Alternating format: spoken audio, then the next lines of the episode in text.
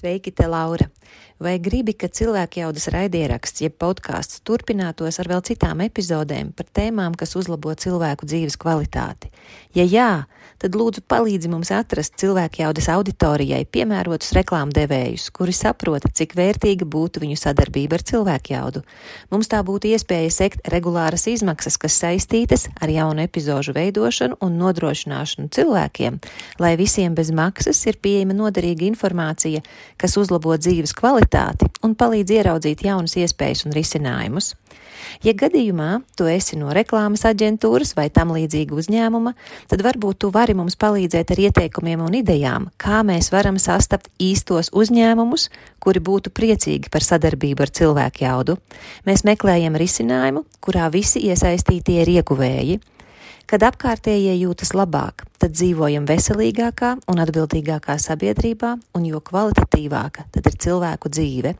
Ja tev ir praktiski risinājumi par to, ko tikko izstāstīju, mēs priecāsimies par tavu ziņu uz info at cilvēkjauda.lv ar informāciju, kā vari mums palīdzēt turpināt šo darbu par to, ko tikko lūdzu.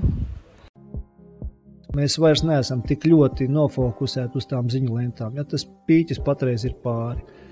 Tagad sākas otrā pēckrīzes fāze, kad mēs vairāk sadodamies rokās, tā sauktā medus mēneša fāze, ja, kad mēs tā kā idealizējam cilvēka spējas, visi esam vienoti. Tas nav ne labi, ne slikti. Tas vienkārši tā ir. Tādi mēs cilvēki esam. Kopumā mums pats svarīgākais ir saprast, ka šī ir situācija nevis kā pandēmija, ka mēs ar izolāciju tiksim līdz izdzīvošanai. Šī ir situācija, kad mums jārīkojas tieši pretēji. Mums ir jāsaprot, ka cilvēks spēj izdzīvot kā grupa. Tādēļ šeit ir ļoti jauki, ka šobrīd šī grupa ir milzīga, liela, apvienojusies, teiktu, globāla, un viņi visi skaidri viens otram saka, tas, kurš nāk ar ieročiem, tas ir sliktais. Pēc uh, trim, sešiem mēnešiem šī fāze paies. Ja, tad sāksies pieņemšanas fāze, kas parasti iet gadu, divus. Kad uh, sākam apzināties, ka mums tā kā ir jādzīvo tālāk, tā realitāte, kāda tur ir. Ja? Tā ir tāda neatņemama cilvēka eksistences daļa. Viņam vienmēr ir jāatrod veids, kā aiz kaut kādas maliņas aizķerties, lai ietu uz priekšu. Un šī maliņa aiz kā aizķerties, viņai nav jābūt obligāti reālai jebkuras kustības, kuras mums, mūsu psihei nosignalizē, ka mēs joprojām esam rīcības spējīgi, neprasot, lai mēs simtprocentīgi zinām, ka būs labi, bet mēs vismaz sakām sev, nu, vecīt vai vecenīt, nu, notici.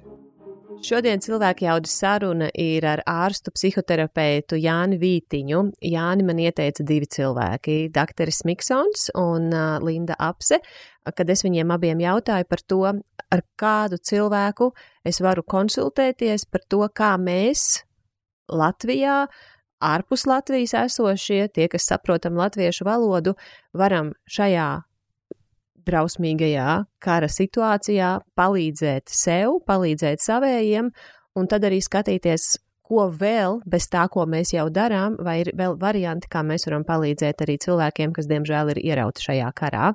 Jāni, liels tev paldies, ka varēji saorganizēties svētdienas rītā, lai mēs šo sarunu varam ierakstīt. Es to ļoti novērtēju un zinu, ka mūsu auditorija tieši tāpatās. Paldies tev arī no viņiem. Tad, tad, kad mēs vakardien sazināmies, saz... arī tev, Laura, ja, un, paldies arī auditorijai par gatavību uzklausīt. Jā, paldies. Un tad, kad mēs ar tevi vakar sazvanījāmies, tu sacīji, pirms mēs ķeramies pie risinājuma variantiem, vispirms mums ir jāsaprot sava fizioloģija vai kaut kā tam mhm. līdzīgi. Vai tu vari izstāstīt Jā. cilvēkiem, ko tu ar to domā? Jā, ļoti precīzi. Es ar to domāju, ka tajā brīdī, kad mēs ejam dzīvē, mums ir dots brīnišķīgs aparāts, mūsu ķermenis. Smadzenes ir ķermeņa daļa, un psihi savukārt ir tāds, kas ir smadzeņu ražots produkts. Tomēr mums neviens īpaši necenšas apmācīt, kā ar šo brīnišķīgo instrumentu rīkoties.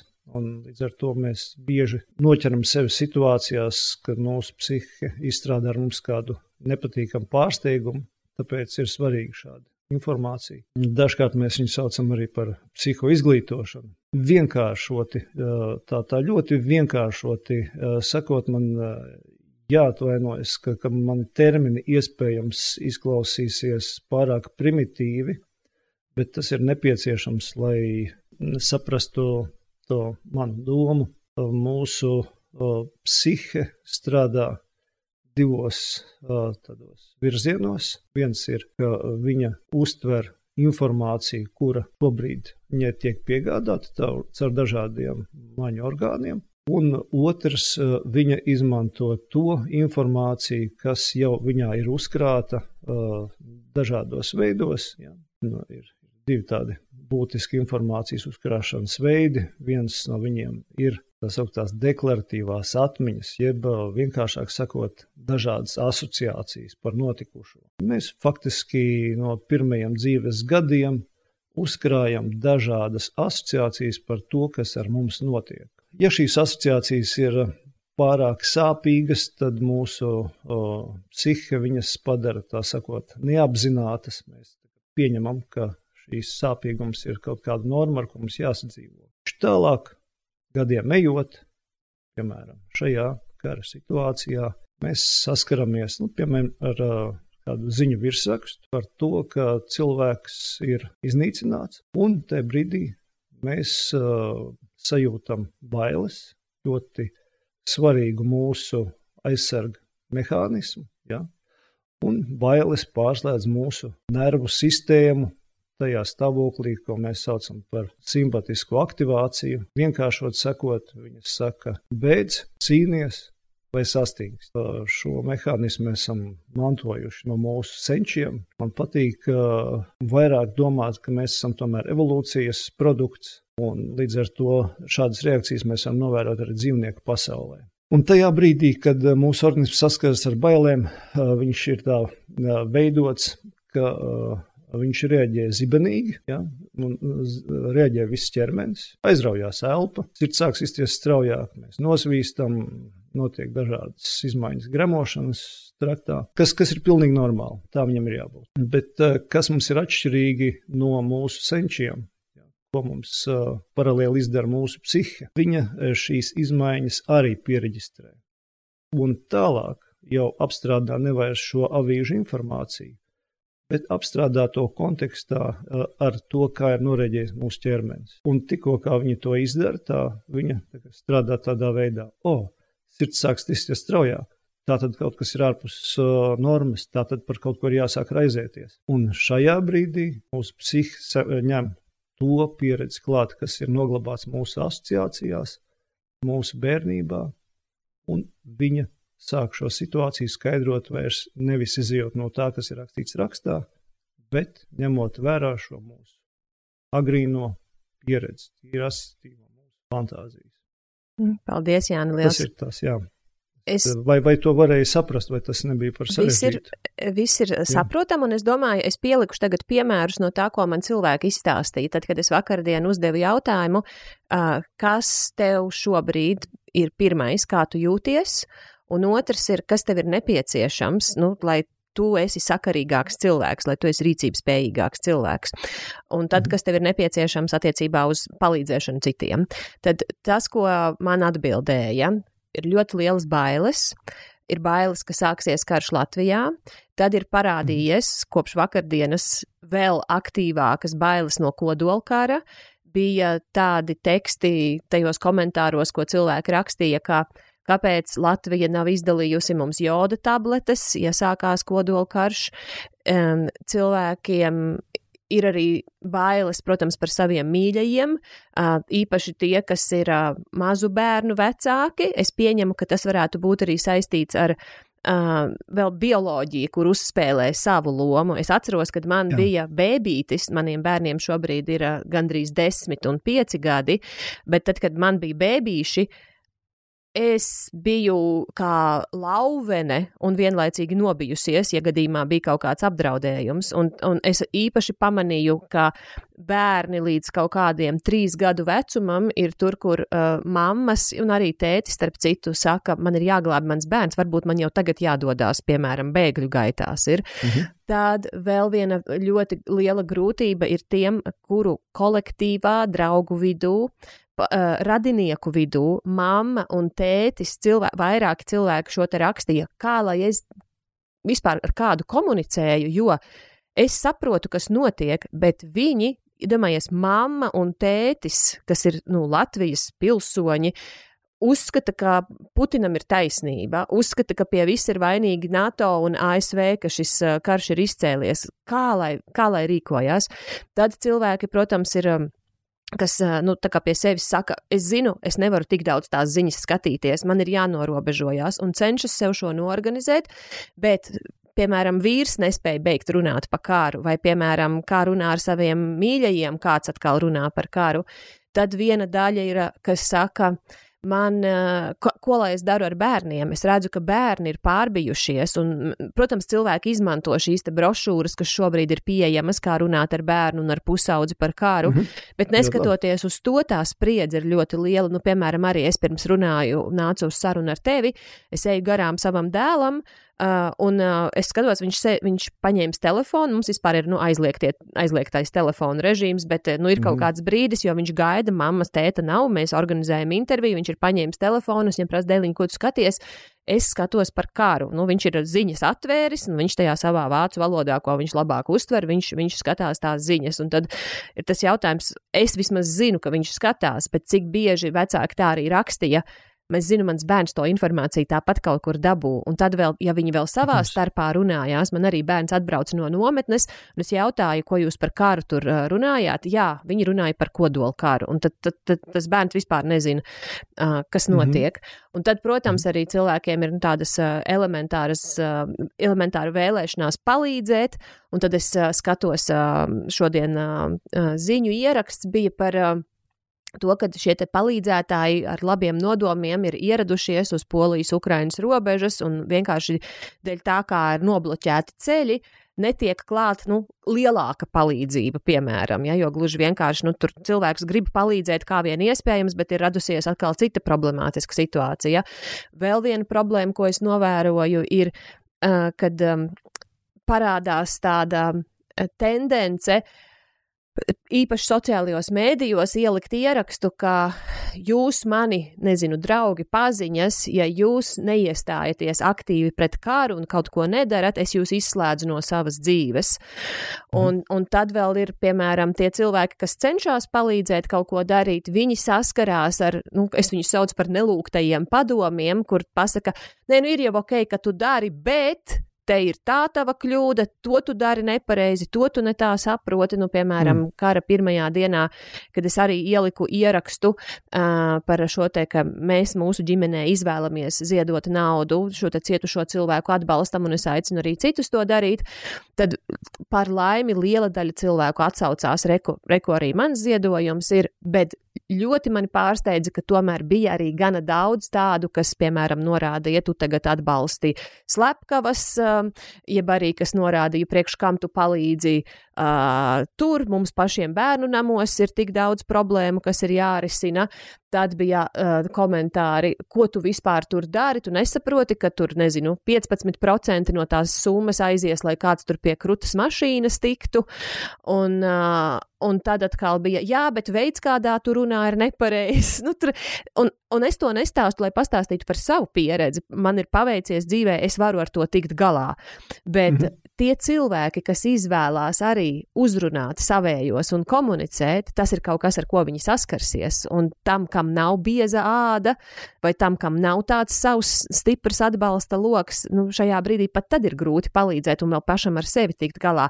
Es tev tagad sagāzu kaudzeri informācijas, balstoties mm. uz to, ko tu stāstīji par šīm te, par mūsu fizioloģiju, palīdzi mm. mums caur to izpratni, kā strādā mūsu fizi fizioloģija, saprast, ko tad darīt. Ah, jā, un es aizmirsu pašu būtiskāko, protams, ir ļoti liela trauksme, trauksme un spriedze cilvēkos, ka viņi saka, es neatrodu mieru, es zinu, ka man ir jādara lietas, bet es nevaru saņemties darīt. Ah, un vainas sajūta vēl bija, ka es tagad ēdu savas brokastis, un es vispār, ne, man ir bezmaz vai kauns, ka es tagad tur tās savas pankūkas ar kaut ko, tie cilvēki ir, nu, es nezinu, ar sausu ēdienu, jā, siltu ēdienu viņi neredzēs, uh, nezinu, cik tur ilgi. Kāds saka, kā es vispār varu kaut vai mūziku klausīties un priecāties par dzīvi, ja ja ar, ar cilvēkiem blakus notiek kaut kas tāds. Un, un ir jā, cilvēki nevar saņemties, aiziet uh, pasportot, lai gan zina, ka tas palīdz stresu pārvarēt. Nu, tāds vainas sajūta, dusmas. Un vēl tās, tās ka viss ir bezjēdzīgi. Bija arī cilvēki, kas rakstīja, es grasījos mājās remontu taisīt. Es tagad pat nesaprotu, vai man taisīt mm. remontu, jo varbūt jābēg tūlīt būs. Kāds mm. cits saka, es uh, uh, izplānoju tur savu biznesu, grasījos laist produktu pārdošanā, tagad nekam nav jēga jēgas. Nu, man vispār zūd jēga kaut ko darīt. Viena sieviete rakstīja, es esmu kultūras darbinieks. Nu, es vispār jūtos pilnīgi viss, ko es daru, ir totāla bezjēdzība, nav jēgas nekādas. Good luck, Jānis. Mm -hmm. Thank you. Tagad domāju, kā lai to visu šobrīd tā, tā struktūrē. Un uh, viens, par ko tu tik brīnišķīgi koši apraksti, es labprāt to nosauktu par tādām stindzinošām bailēm, vai, vai kā angļu saka, frīzi.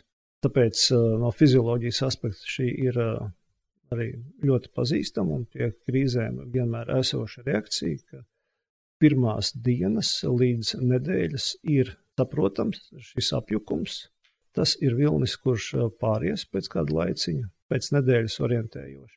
Bet uh, pirms es turpinu, es gribu teikt, ka mēs esam nu pat guvuši brīnišķīgu pieredzi, kā ir dzīvot uh, vēl nebijušas krīzes apstākļos. Jā.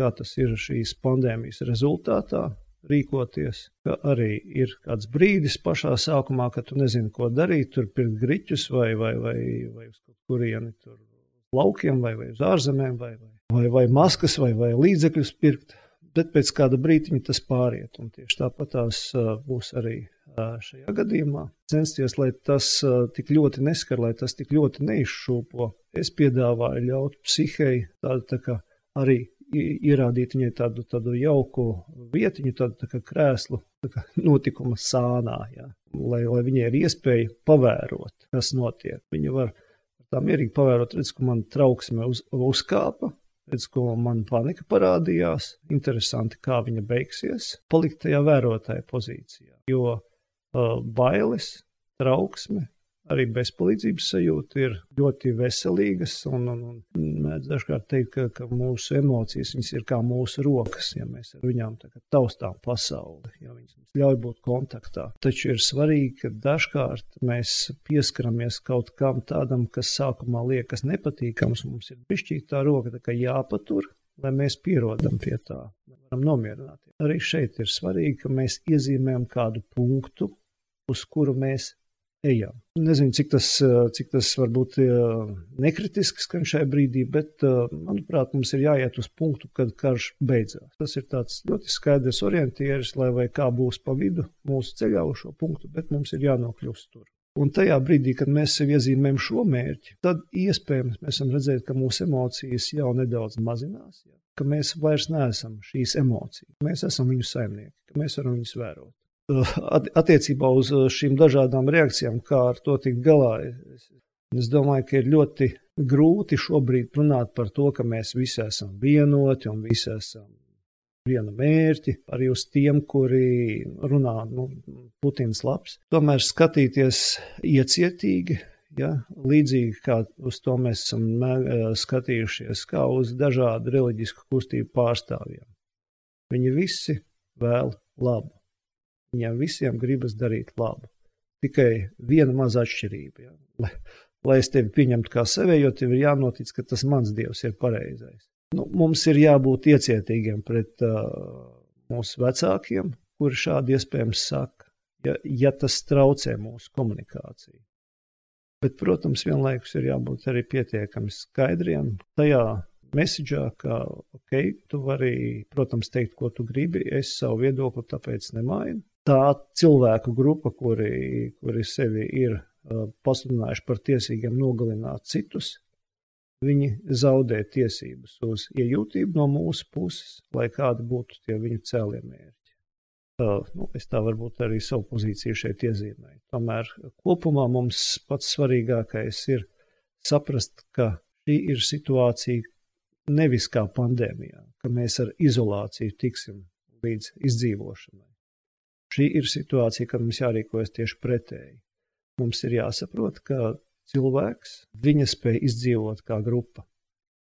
Un tādēļ šeit ir ļoti jauki, ka šobrīd šī grupa ir milzīga, liela, apvienojusies, es teiktu, globāla, un viņi visi skaidri viens otram saka, tas, kurš nāk ar ieročiem, tas ir sliktais. Es saprotu, ka tev var būt grūti, ka tu esi nobijies, bet, ja nu kas, es tev palīdzēšu. Es tagad vienkārši domāju, tie cilvēki, kas ir nonākuši konflikta situācijā ar uh, savējiem. Mhm. Piemēram, viena sieviete rakstīja, mamma un vecmamma man ir Ukrainā. Un uh, viņas vajadzētu glābt, bet viņas nesaprot, par ko ir runa viņas nesaprot, kā šie bruņotie spēki virzās uz, uz viņu pusi. Viņiem tādas informācijas nav. Nu, tā kā viņi nesaprot, par ko es vispār uztraucos. Tajā pašā laikā pat, teiksim, es ņemu situāciju ar vīrieti. Gudrs vīrietis, kuram draugs arī ļoti gudrs vīrietis, lieliski cilvēki abi divi, bet tas uh, latvietis ir šokā par savu draugu, arī latvieti, ļoti izglītotu, daudz ceļojošu, par to, ka šis cilvēks ir Putina režīma atbalstītājs. Ne jau visas lietas viņš atbalsta, bet arī šim cilvēkam, tiešām nu, vīrietim pašos spēka, spēka, spēka gados, mm. ir uzskats, ka, nu, jā, Eiropa un Amerika paši pie visa vainīgi ir, ja? un tad mhm. labāk ļaujiet tur tam otram uh, visu sakārtot. Un, protams, ka gribās novilkt robežu, un es domāju, ka daudz kur cilvēki arī beigās spriedzes dēļ neizturot arī velk to robežu, bet pēc tam mēs tā kā, vai mēs neiegūstam atkal ienaidnieku, ka ja tur, kur tu teici, mums vajag sadarboties, mums tas ir kā jāpārvar kopā, bet tagad, mhm. nu, Jo es nevaru uztvert to otru cilvēku, nu kā tev var būt, es atvainojos, tieši tā cilvēka domā, sajātas, tik sajātas smadzenes.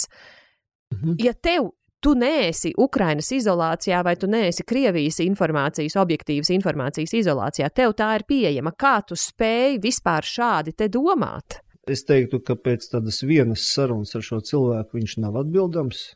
Kāpēc viņš tā kā spēj tā domāt? Mēs varam tikai brīnīties par to, cik uh, dažkārt fifīgas jokus ar mums mūsu psihe izdara. Man ir pieņēmums, ka šim cilvēkam tomēr ir kaut kas, saistīts ar paša drošības sajūtu, jo viņš grib identificēties ar agresoru. Tādos gadījumos vienmēr ar interesi labprāt uzklausītu paša cilvēka redzējumu, līdz mēs nonākam pie tāda kopīga secinājuma, kur tad viņš jūtas tik ļoti apdraudēts, kas ir noticis ar viņa pašapziņu, ka viņam ir tik ļoti jāidentificējas ar šādu te. Es, eh, tas, tas no malas eh, nekad nav redzams. Mēs, visi izskatāmies ļoti vienādi, bet to, kas notiek mūsu galvās, mēs parasti uh, nepaužam ļoti tā aktīvi ārā, un, kā jau minēju, mūsu psihe arī mēdz to no mums slēpt, ja tāpēc mēs paši tā nevaram izskaidrot, kāpēc rīkojamies. Man ir paziņas un draugi, kas ir ļoti aktīvi darbojās. Darbojās citu krīžu laikā, darbojas aktīvi šo mhm. krīžu mm. laikā, Un tas viņu paziņojums arī ir tāds, ja tu šobrīd, nu vienalga, kurš tu aktīvi nerīkojies Ukrainas aizstāvēšanai, Krievu režīmā tur izjaukšanai, tu esi nodevējis, tu esi nodevis mani, mm. es ar tevi negribu runāt, uh, es no tevis pilnībā novēršos, un vai tā tāda rīkošanās to konfliktu nepasliktina vēl vairāk, jo es no savas puses atkal jūtu šeit bīstamību tādu, ka mēs nevaram atļauties vēl iet tā kā nu, brālis pret brāli, nu, kā cilvēks pret cilvēku, jo Jā. tu neesi, tu neesi Krievijā, tu neesi Krievijas armijā. Un uh, nu, va, mēs varētu kaut kā, nu, kā nu, nonākt situācijā, mums vajadzēs to tavu palīdzību. Jo tas, ko es ļoti negribu piedzīvot, ir, ka dēļ manas nepareizas komunikācijas, tā otra puse, kas bija otrā pusē, riktīgi vēl aiziet otrā pusē. Ja? Mm -hmm. Un tad, tad mm -hmm. tā Putina puse kļūst daudz spēcīgāka. Es gribu, ka ja man labāk patiktos, nu, ka, tad, ka tas cilvēks nav vēl papildu motivēts tur tiešām doties un vēl tā aktīvi iestāties par to otru taisnības pusi. Nu, es, jā, es varu izbrēkt savas emocijas, es varu izteikt savas dusmas, parādīt savu nostāju ar domu, nu tad jau labāk bez tevis, bet es atvainojos, ja bez tevis nozīmē, ka tas cilvēks aiziet uz otru pusi, es esmu spēcinājusi otru pusi savā veidā. Jā, es domāju, ļoti precīzi tu tā, tā forši apraksti, kāpēc, uh, ja šāda vēlme rodas, viņai labāk tomēr ļaut nedaudz pagaidīt. Ja, ja cilvēks skatās uz šo situāciju kā tādu, nu, tā ka viņš arī uzreiz tā piedalās karā, ja, ka uzreiz ienaidniekam ir jātrāp par kaut ko maksimāli smagu, ja, tad uh, ir, pilnīgi skaidrs, ja, ka šādā veidā tiešām nevar uzvarēt. Tad tādā veidā var tikai palielināt otru cilvēku izolāciju un nogriezt viņam tos iespējams mazos kanāliņus, mazos avotiņus, caur kuriem viņš var sākt eh, priekš sevis atļaut šaubīties. Man te, Jānis, tieši par šo ir arī jautājums. Uh, man viens draugs daudzus, daudzus gadus strādāja palīdzības organizācijās. Un uh, viena lieta, ko viņš man ļoti stipri lika aiz auss, ka, ja tevi, tu saskaries ar pretējo pusi, ļoti radikāli nu, viedokļi atšķirās. Tu nedrīksti nogriezt otrai pusē atkāpšanās ceļu, jo tad tu to otru pusi padari vēl zvēriskāki, niknāku, neko nerisināt, bet tieši iet līdz galam, nu, kad tas cilvēks kļūst vēl bīstamāks.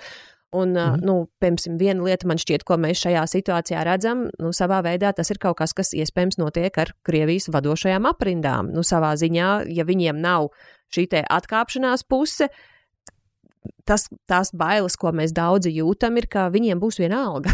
Viņi ņems un mhm. nospiedīs to mhm. pogu, no kuras nospiešanas mēs visi tā baidamies. Un vai nav līdzīgi arī ar, ar mūsu draugiem, kā mēs varam tā komunicēt, lai es iestājos par savām vērtībām, bet vienlaicīgi, ka es atstāju vaļā durvis, ka tas cilvēks var mainīt savu viedokli. Neizskatoties kā pēdējais idiots, jo nu, mūsu kaut kāda psihiskā daļa taču ķerās pie tās iespējas, nu, ka mēs, mēs negribam redzēt patiesību, jo tas nozīmētu atzīt, ka es esmu kļūdījies. Tas nozīmē atzīt, ka es esmu nezinu, aizstāvējis varu, tur, to, kas nav riktīga vara. Mm -hmm. Ka mēs kā savā veidā glābjam to savu uh, paštēlu paši savās acīs. Nu, kad, man liekas, ka vai, vai nav tā, ka mums pretdarbojās mūsu pašu domāšana, un es vienalga, vienalga par kuru pusi būtu runa. Tad mans jautājums tev ir, kā runāt ar otru pusi, lai no tās puses neizveidotu ienaidnieku, bet vienlaicīgi, lai nav tā, ka man ir vēl visur jāizplājās, un tagad būs tiem pārējiem jāpiemērojās. Es tiešām gribu pati rīkoties, un es gribu, lai arī viņi rīkojas. Ko darīt? Es domāju, ka noteikti šeit mums ir jāatrod tas līdzsvars, kur mēs piedalāmies ar uh, rīcību, kura ir palīdzoša, un kur mēs uh, paši sevi savainojam. Iešaujam sev kājā vai, vai vairojam vēl vairāk ienaidniekus. Jo mums ir jābūt pietiekami viediem, lai saprastu, kā mums kopā būt šajā brīdī. Viens no tādiem ļoti skaidriem punktiem ir mūsu pieredze. Mūsu pieredze ir uh, barikādes un Baltijas ceļš, kura laikā mēs ļoti skaidri bijām vienoti. Mums varbūt nebija skaidrs tieši kādā veidā panākt to uzvaru, bet mēs neatstūmām ne krievus, ne ebrejus, ne tatārus vai, vai aborigēnus. Mēs visi bijām vienoti, mēs sapratām, cik ļoti vērtīga ir cilvēka dzīvība un ka šī dzīvība ir vislabāk sargājama kopā. Var atšķirties dažādi skatījumi, un, un mums tiešām ir jāsaprot, ka tur otrā pusē tas, kurš sarunājas, viņš ir tieši tikpat gudrs, cik mēs. Viņam ir kaut kādi pieņēmumi, uz kuriem viņš balstās. Un tā, piemēram, ir, es pieļauju arī tāpat kā Putina kļūda, tāpat arī citu pie varas augstu nonākušo dažkārt kļūda ka, ka viņi tajā brīdī, kad viņi tur atrodas pietiekami ilgi, viņiem ieslēdz tāda sajūta, ka viņi ir visgudrākie. Viņiem to arī viss saka. Es domāju, ka, ja es tev arī kādus divus gadus nemitīgi mikrofonā teiktu, ka tu esi fantastiski erudīts cilvēks, tev, tev liktos, kāpēc par to jāšaubās. Ja? ja, un, un, un tajā brīdī viņi izdara šo kļūdu, ka viņi padomā, ka pārējie ir muļķi. Tas ir tas, kas ir noticis šķiet Krievijā, bet, bet mēs nedrīkstam šo kļūdu atkārtot. Mums ir jāmācās no tā ir jāsaprot, ka pārējie arī ir cilvēki, ka viņam ir vajadzīgs savs laiks, lai norientētos, saprastu, kur ir patiesība, kur ir cilvēciskās vērtības. Un uh, viņas atrast uh, nav, nav varbūt uh, sarežģīti, ja tā vienkārši saka, bet uh, dažkārt šīs, šīs cilvēciskās vērtības mēs uh, mēdzam mm, tā, nu, varbūt sarežģīti pateikt paši priekš sevis. Un tādēļ uh, man ļoti patika uh, patreiz viens no tādiem, manuprāt, ļoti progresīviem neiroanalīzes pārstāvjiem, Marks Solms. Viņš tā ļoti vienkārši saka, ja, ka cilvēka dzīves mērķi pēc būtības ir divi. Viens ir parūpēties par savu drošību, otrs ir nodrošināt to, lai viņš turpinās. Cilvēks, lai es turpinos ja, kaut kādos veidos, ja, vai caur bērniem, vai caur to, ko es radu, ja, lai tas pienesums ir kaut kas tāds priekšējošs. Un viss, un nekas vairāk. Un iziet no šiem diviem mērķiem, mēs uh, vienmēr varam skatīties, ko mums teikt otram, kāpēc mums tas ir jāsaka, vai mums tas palīdzēs, vai tas palīdzēs nācijai, ja vai tāpēc Latvija kļūs skaistāka, jo mēs kādu būsim vēl pa ceļam nolamājuši. Ja. Protams, šādas te varbūt intelektuālas spēles viņas ir iespējams tā mierīgi sarunājoties, bet tajā brīdī, kad uh, tu esi palasījusi par to, kāda ienaidnieka darbība ir izdarījusi pāri civiliedzīvotājiem, un tad pēkšņi sastopas cilvēku, kurš saka, ienaidnieka armija ir pats tas, un tu redzi, ka viņam automāta nav, tad, tad ir skaidrs, ka jāuzbruk. Jā, es tev pilnībā piekrītu. Tad, kad uh, es saņēmu šos te, nu, tādu čupu ar pārmetumiem, gan Facebookā, gan, gan Instagramā, tā kā es abās platformās uh, vienkārši ieliku to savu ierakstu. Laura, piedod, ka es tev, ja? ka es tev pārtraucu, vēlreiz gribu apliecināt dziļu cieņu par tavu drosmi internetā publicēties, skaidri paust savus uzsaukumus, jo uh, internetā man šķiet mēs kļūstam tik neaizsargāti kā nekur. Mm -hmm. Jā, paldies. Un es tieši vēlos, lai nu, pārējie cilvēki to saprot, ka tas daudziem nav viegls lēmums, kad nu, parasti mēs pajautājam sev, kā es tad cietīšu. Man liekas, ka vienīgais veids, tiem, kam tas nav dabīgi. Ir cilvēki, kas ir nu, cīnītāji pēc savas dabas. viņam viņam Jā. pilnīgi vienalga, ko tu par viņu padomās. Viņš zina, tā ir īstā lieta, es par to iestājos, un visu viņš iet un dara. Un es esmu laimīga, ka ir daudz šādu cilvēku. Bet uh, es arī nevaru pārmest tiem, kuri šādi nav. Viņiem, es nezinu, vai viņi ģenētiski ir citādāk uzbūvēti, viņiem dzīves pieredze ir citādāka, un tāpēc būtu stulbi no manas puses nu, kādu citu nosaukt. Es nezinu, tur par gļēvu uh, vai par nevarīgu. Bet tas veids, mm -hmm kā šo spēt darīt, man liekas, ir tikai tad, kad mēs skaidri zinām savas vērtības. Un, nu, no man, manā gadījumā man to izvēli izdarīt bija iespējams, jo es gribu skatīties saviem bērniem acīs. Tad, kad man viņiem būs jāpaskaidro, Jā. kāpēc pasaule ir tāda, ka vai, vai es izmantoju to rīcību spēju, kas man ir pieejama. Nevis, ka es paceļu rociņas un pasaku, es te neko nevaru darīt, es šeit esmu bezspēcīga. Ja? Es neesmu ne Ukrainā, lai ņemtu ieroci, un es tiešām jūtos, ka es arī tad to darītu visticamākais, ja man nebūtu bērni. ja? Tas tomēr mhm, lietas -hmm. mazliet apgrūtina. Okay. Vai ja es būtu Krievijā, varbūt es ietu un mēģinātu kaut kādā revolūcijas kustībā iesaistīties. Un man ir tās, bet es taču neko nevaru. Ja? Es esmu vai Latvijā, vai es esmu Šveicē, bet tā nav, ka mēs esam bezspēcīgi. Un tā pirmā lieta, ko tu minēji, ir, uh, lai mēs varētu rīkoties, mums ir jābūt nu, skaidram prātam. Un, un, jo tu teici, tieši emocijās mēs nenoturamies, tieši nu, tajā emocijā, ka mēs izlādējamies, nu, tad mēs to otru pusi arī uztaisām par ienaidnieku vai nu, paši sev mhm. nodaram pāri kaut vai tā lamāšanās, ko es šobrīd redzu starp diviem latviešiem, abi divi grib palīdzēt, bet viņiem atšķirās kaut kur uzskati, ja. un tas tā spriedzi, kas ir iekšā sakrājusies, viņi savā veidā viens otru izmanto par ventīli, kā nolaist to spriedzi, un tas nav aprēķins, tas ir vienkārši, nu, tā kā psihe, es nezinu, sajūta iespēju, es varu atbrīvoties no tāda, nu, neizturamā stresa līmeņa, bet Es zinu, es zinu no intervijas ar Juri Grabovski, kurš ir uh, ilgadējais, uh, kurš bija ilgadējis uh, Omegas uh, pretterorismu vienības komandieris, ka viņš teica, Kad emocijas ir augšā, tad prātiņš ir lejā. Tad tas, tā, tā, tā ir tā vieta, kur mēs nespējam vienkārši domāt. Un iesaki, ko varam darīt, lai, jo tas ir iespējams tikai Jā. tad, kad prātiņš strādā.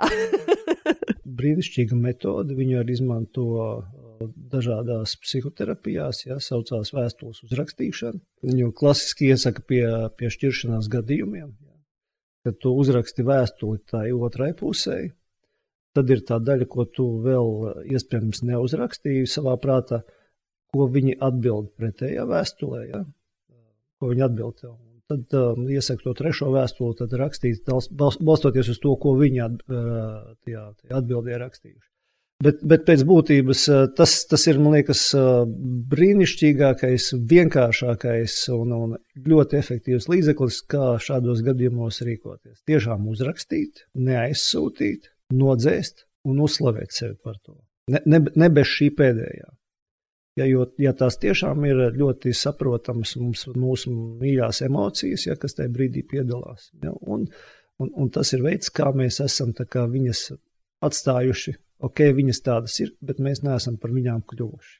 Mēs joprojām esam tās personības, kuras mēs paši sevī cienām. Es uh, vēl šeit varu piebilst tikai tādu varbūt vienkāršu lietu, ka tajā brīdī, kad mēs sarunājamies ar cilvēku, mums ir iespēja redzēt, sajust viņa emocijas. Bet tajā brīdī, kad mēs ar viņu sarakstāmies, tajā brīdī mēs saskaramies tikai ar savām emocijām.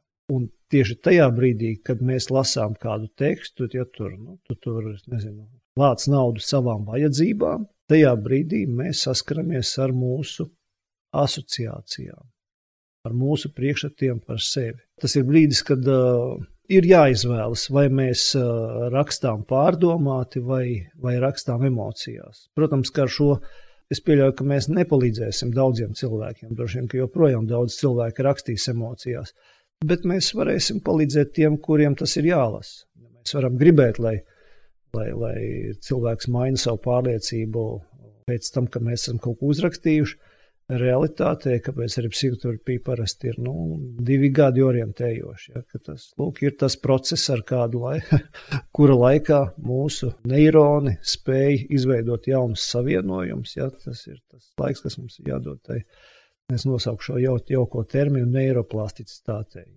Mm -hmm. Jāni, man ir dažas, dažas lietas, kas uh, no tevis stāstītā. Un tu tad uh, saki, vai tur ir veids, kādā mēs to varam izmantot, lai mēs sev palīdzētu, lai mēs neesam uh, uzvilkti līdz pēdējam, lai mēs neesam pārbijušies līdz tādam līmenim, mm -hmm. ka mums pašiem tas ļoti jau traucē. Uh, un lai mēs tiešām kļūstam rīcības spējīgāki, pirmkārt palīdzēt sev un savējiem, un otrām, un otrām kārtām palīdzēt šajā te, diemžēl, drausmīgajā karā ierautajiem. Tad viena lieta ir. Tu teici, rakstīšana tā ir šeit tā kā noderīga prakse, jo es varu iz, izlikt to savu tvaiku un niknumu mhm. un sašutumu un šoku un bezpalīdzības sajūtu tai skaitā tajā, ka es vienkārši to otru pusi nolamāju. Tad, piemēram, tiem cilvēkiem, kas savā dzīvē saskarās ar tādiem draugiem vai ar tādiem kolēģiem vai ar tādiem ģimenes locekļiem, tai skaitā, nezinu, mamma, tētis, māsa, brālis, uh, onkulis un kaut kā līdzīgi, ka viņi tātad arī varētu šo tvaiku nora, nolaist vienkārši uz tā papīra izlamājoties. Un tad tu teici, vajag uzrakstīt pretvēstuli. Es saprotu, ka tā pretvēstule ir tāda, nu es tagad mm. nolamāju tos cilvēkus, vai ne, un viņi man raksta atpakaļ, vai piedod, tev bija taisnība. Tā tu to domāji, tu atpakaļ vēstuli. Ja viņi man es, raksta es atpakaļ, to... tu pati stulbene, tu pati idiote. es, es ar to pretvēstuli biju domājis, ka, ka tā ir uh, tāds paņēmiens, kā uh, tikt galā ar šķiršanos. Ja, un, un pie, pie šķir, sevišķi tais gadījumos, ja cilvēks tevi ir atstājis, tad tu uzraksti tās savas sāpes, cik ļoti viņš tev ir nozīmīgs, cik ļoti tu gribi redzēt viņu par savas dzīves centru un cik tev ir sāpīgi, ka viņš patreiz ir prom no tevis. Un uh, tad tu vari pretvēstulē uh, ģenerēt, nu, cik, uh, cik nu, viņš atbild uz to, ka viņš saka, nu, man gan varbūt tas tik ļoti nav svarīgi, es varbūt bez tevis varu kā, iztikt, ja? un ja tu mani mīli, tad uh, tomēr tev ir jāmīl man tādu, kāds es esmu, un ja es jūtos labāk bez tevis, nu, tad tev man ir jāmīl tieši tādu. Ja? Un, un, un tad, tad tā trešā vēstule ir, nu labi, nu tad es tevi mīlu tieši tādu, kāds tu esi, un tad, tad, tad uh, dzīvojam ar mieru. Bet uh, tas, tas ir kā paņēmiens uh, pie, pie šādiem gadījumiem. Es domāju, ja, ja saruna notiek ar, ar radiniekiem, es domāju, pilnīgi pietiek ar to, ka mēs, mēs varam uzrakstīt, uh, mēs varam izvēlēties nepateikt to saviem radiniekiem, nu, kā, tas, nu, tur, kā tur tas mūsu radinieks, es negribu šeit konkrēti kādu minēt, nu, ka viņš ir tur, tur muļķis. Jā. Nu, mēs varam izvēlēties to nepalaist savā ģimenē. Mēs varam redzēt, ka tās ir mūsu katra personiskas emocijas. Ja viņas ir par grūti izturēt, mēs varam uzrakstīt, un tad mēs varam tiešām uzdot šo jautājumu, šo ļoti, ļoti būtisko jautājumu, bet vai tas palīdz? Un, un tad mēs varam atbildēt uz šo jautājumu, vai, vai tas palīdz. Ja? Un tad izvēlēties, kā rīkoties. Un visticamāk, tas nepalīdz. Man tev, man tev vēl tāds jautājums ir, vai es cilvēks, kurš ir sašutumā par tiem savējiem apkārt, par to, ka vai nu viņi ir par uh, Krieviju, uh, nu, es, es domāju tieši par Krievijas valdības īstenoto politiku, vai viņi ir uh, par to, ka um, tas, ko tu dari, tagad ir nepareizi. Nu, viņi, vai viņi arī nedarbojās vispārībā? Nē, es nevaru zināt, kāda ir tā patiesība, tāpēc es tagad nedarīšu neko. Un, teiksim, otram cilvēkam uz to ir šausmīgas dusmas. Bet, uh, zini, rakstīšana man liekas, tas ir tādiem cilvēkiem, es, tu, mēs tur tādi rakstītāji. Ja? Liela daļa vienkārši nevar pat piesēsties, lai tur kaut ko uzrakstītu, vai tas būtu ar pildspalvu, vai tas būtu ar klaviatūru. Vai viņi to savu emociju sakāpinājumu var to tvaiku nolaist arī vienkārši lamājoties, kaut vai es nezinu, skaļi, esot viens pats telpā. Ne, nesakot to tai otrai pusē, tu tur tāds un šitāds. Bet, kā, bet es tagad apsēžos un es vienkārši skaļi izlamājos visu, ko es par to otru cilvēku tur domāju, lai tas man nolaiž tvaiku, jo tad varbūt es samazinu savu iespēju ar viņu reālajā dzīvē, nu, kad tur es noturēšos. Mhm. Jeb tas, tas nepalīdzēs, un tas nav variants, kas darbojas vienkārši no tavas prakses, ko tu zini. Es drīzāk teiktu, ka, ja gribas bļaut un lamāties, tad to noteikti ir jādara slēgtā telpā. Varbūt tur ir boksamais vai spilvens, pa kuru vēl var iesist. Ja jau tas ir skaidrs, ka tajā brīdī nāk ārā milzīgs niknums, niknums vai dusmas, bet šeit ir ļoti būtiski, par ko ir tās dusmas. Tās dusmas ir nevis par to, ka tas cilvēks domā savādāk tās dusmas ir par mūsu paša bezpalīdzību. Droši vien kādam brīdim ir jāiet līdz mēs varam, jāpiet līdz mēs varam to, to pieņemt, jā, ka šeit mēs tiešām neko šādā veidā darīt nevaram. Jā. Kamēr tas brīdis pienāk, kamēr mēs to saprotam, iespējams, ka ir jābļaustās. Mums ir priekš sevis uh, vērts uh, saprast, kāda tad mēs esam cilvēki pēc rakstura. Vai mēs esam tie, kas reaģē, tie, kas sērkots viņš uzliesmo, vai, vai mēs tomēr esam vairāk flegmatiķi. Ja, un, un, ja mēs esam tādi, kuri kā sērkots viņš uzliesmo, tad nu, mums jāsaprot, nu, ja, ka mūsu reakcijas visticamāk nebūs tā kā tur omegas uh, trenētam komandierim, kurš tā mierīgi uzsvērti. Ja. Tiešām ir ļoti būtiski, ka, lai mēs varētu kaut kā konstruktīvi rēģēt, mums ir jābūt treniņam. Man ir liela vēlēšanās atkal ielikt kaut kādu kā, izglītojošo gabaliņu šeit, ja, par to, ka ir būtiski zināt, ka mūsu psihe uztver to, kas notiek, tā var teikt, no iekšpuses uz āru. Mēs vienmēr, mūsu psihe vienmēr piedāvā ieraudzīt to, ko mēs šobrīd redzam, caur savas pieredzes prizmu. Nemitīgas prognozes par to, ko mēs tagad redzam, Tas ir tas, ar ko mēs saskaramies mūsu galvā. Pieredzes veidotas prognozes. Un, ja psihe pamana, ka kaut kas neatbilst tai prognozei, tad viņa var šo prognozi korrigēt, un nākošā prognoze jau būs precīzāka. Un, un tieši tāpatās arī attiecībā uz mūsu reakciju uz kaut ko negaidītu, mēs iziesim no tām pieredzēm, kuras mums ir uzkrātas. Mums ir milzīga kaudze pieredze uzkrāts par to, kas notiek kara laikā, bet mēs runājam par pirmo, par otro pasaules karu. Mēs runājam par, par to informāciju, kas mums ir sagāzta iekšā par Krievijas militāro varenību, par to, ko piedāvā dažādas pietiekami izzinošas grāmatas, kuras varbūt, nu, ja viņas varbūt nav ļoti analītiskas, tad ir ļoti viegli paņemt to, ka tā apdraudējuma sajūta ir ļoti skaidra. Bet mums ir ļoti būtiski, ka mēs šo pieredzi visu laiku korģējam ar svaigu materiālu. Mēs tiešām iegūstam informāciju no apkārtnes. Un uh, gadījumā, ja ir tāda nepatīkama situācija, ka blakus tur, tur, tur tēvs vai mamma, ka viņi saka, ka Putins ir uh, mūsu barotājs un glābējs, un mums vajadzētu viņam lūgties, tad ir ļoti svarīgi, ka mēs saprotam, ka no turienes mēs labu neko negūsim no, no sarunas ar mammu un tēti. Un šajā krīzes brīdī mēs izvēlamies citus cilvēkus, ar kuriem sarunāties, ar kuriem nu, dalīties savā bezpalīdzībā, ietekmēt tēvu un māti. Mēs uh, neliekam kā virsmērķi to, to vienu, ja, bet mēs saprotam, ok, ja, nu, tas ir viens no. Kādas vēl ir mūsu iespējas, ar ko vēl mēs varam parunāt? Ka, ja man mamma kaut kā domā savādāk, nu ļoti žēl, ja es tomēr neesmu mana mamma. Es domāju tā, kā domā vairums cilvēku, acīm redzot pareizāk. Tas nozīmē, ka es izvēlos komunikāciju ar to attieksmi, sijājot pēc tā filtra, vai šis man palīdzēs. Nevis Jā. es izvēlos komunikāciju, uh, uh, man tagad tas otrs cilvēks ir jāpārliecina, es viņu varu censties, nu, nezinu, pārliecināt, saprast, tad, kad es labi jūtos. Bet, ja es labi nejūtos, šajā brīdī es tiešām izfiltrēju, nē, tā nebūs.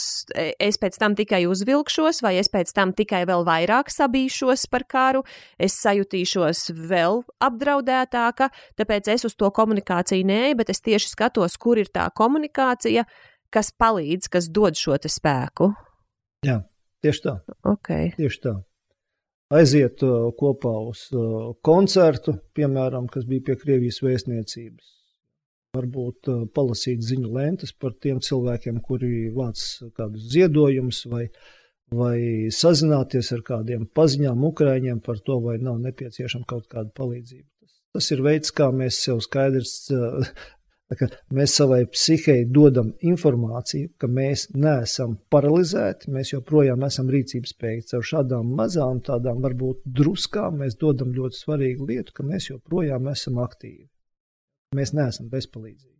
Tā tad, lai nomierinātu to savu neadekvāto bezpalīdzības sajūtu, kas šķiet ir ļoti adekvāta, es te mazs puteklīts, es te neko nevaru ietekmēt, lai to nomierinātu, mm. tieši rīcība ir tā, kas uh, atgriež mani pie maniem resursiem, ka es kaut ko tomēr varu, ka es neesmu tik neaizsargāta, ka Jā. varbūt nemaz nebūs tik traki izvēlēties, Jā. rīkoties. Ja?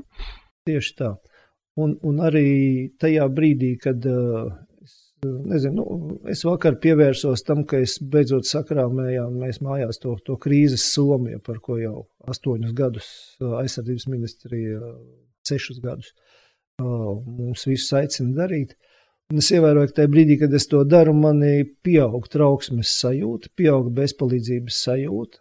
Un es izvēlējos, ok, es kādu gabaliņu pakrāmēju, pēc tam es tomēr bišķīt pajūtu no tā nost. Es pie tā vēlreiz atgriezīšos.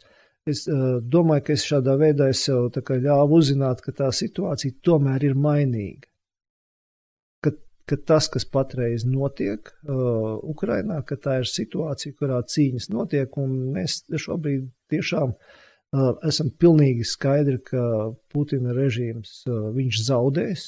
Mēs vienkārši nezinām, kad, kādā veidā.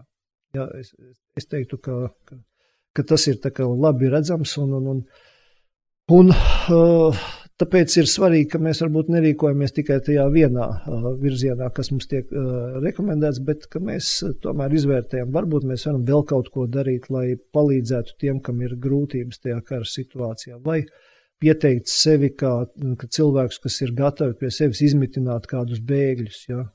Pareizi, tad šāda informācija jau arī tiek gaidīta, vai aizsardzības ministrijā, to gan es nezinu, kur tieši. Bet, bet ir iespējams arī šādu ziņu par sevi dot. Un, un, un droši vien, ka nenosodīt tos cilvēkus, kuri dodas uz robežām un, un, un grib ļoti tā aktīvi uh, piedāvāt savu palīdzību uzreiz tur, Jā, bet saprast, ka nu, tādi mēs cilvēki esam. Jā, ir, ir, ir tādi, kuriem liekas, ka, ka viņu palīdzība nekavējoties ir nu, tā, tā viss vis, nepieciešamākā, ka viņi nespēja sevi apturēt tajā vēlmē. Nu, ok, pagaidiet, varbūt bišķi nokoordinēsim, ar citiem sarunāsimies. Jā. Mm -hmm. Es gribu uzsvērt to būtisko lietu, ko tu sacīji. Mēs šobrīd esam vēl tādā sākuma stadijā, kur ir ārprātīgi mm. daudz neziņas, uh, Un tā, tā, tu teici, tas ir tas brīdis, kur nu, galva iet tā kā pa gaisu, kad uh, tā, tā apjukuma, šoka, baiļu, dusmu, visas šīs emocijas ir mm -hmm. nu, diezgan neadekvātas. Vai es pareizi mm -hmm. sapratu tevi? Jā, tas ir pirmā, pirmā normālā tāda, uh, cik nu normālā, bet, bet uh, parasti tā uz krīzi mēs vienmēr reaģējam. Mm -hmm.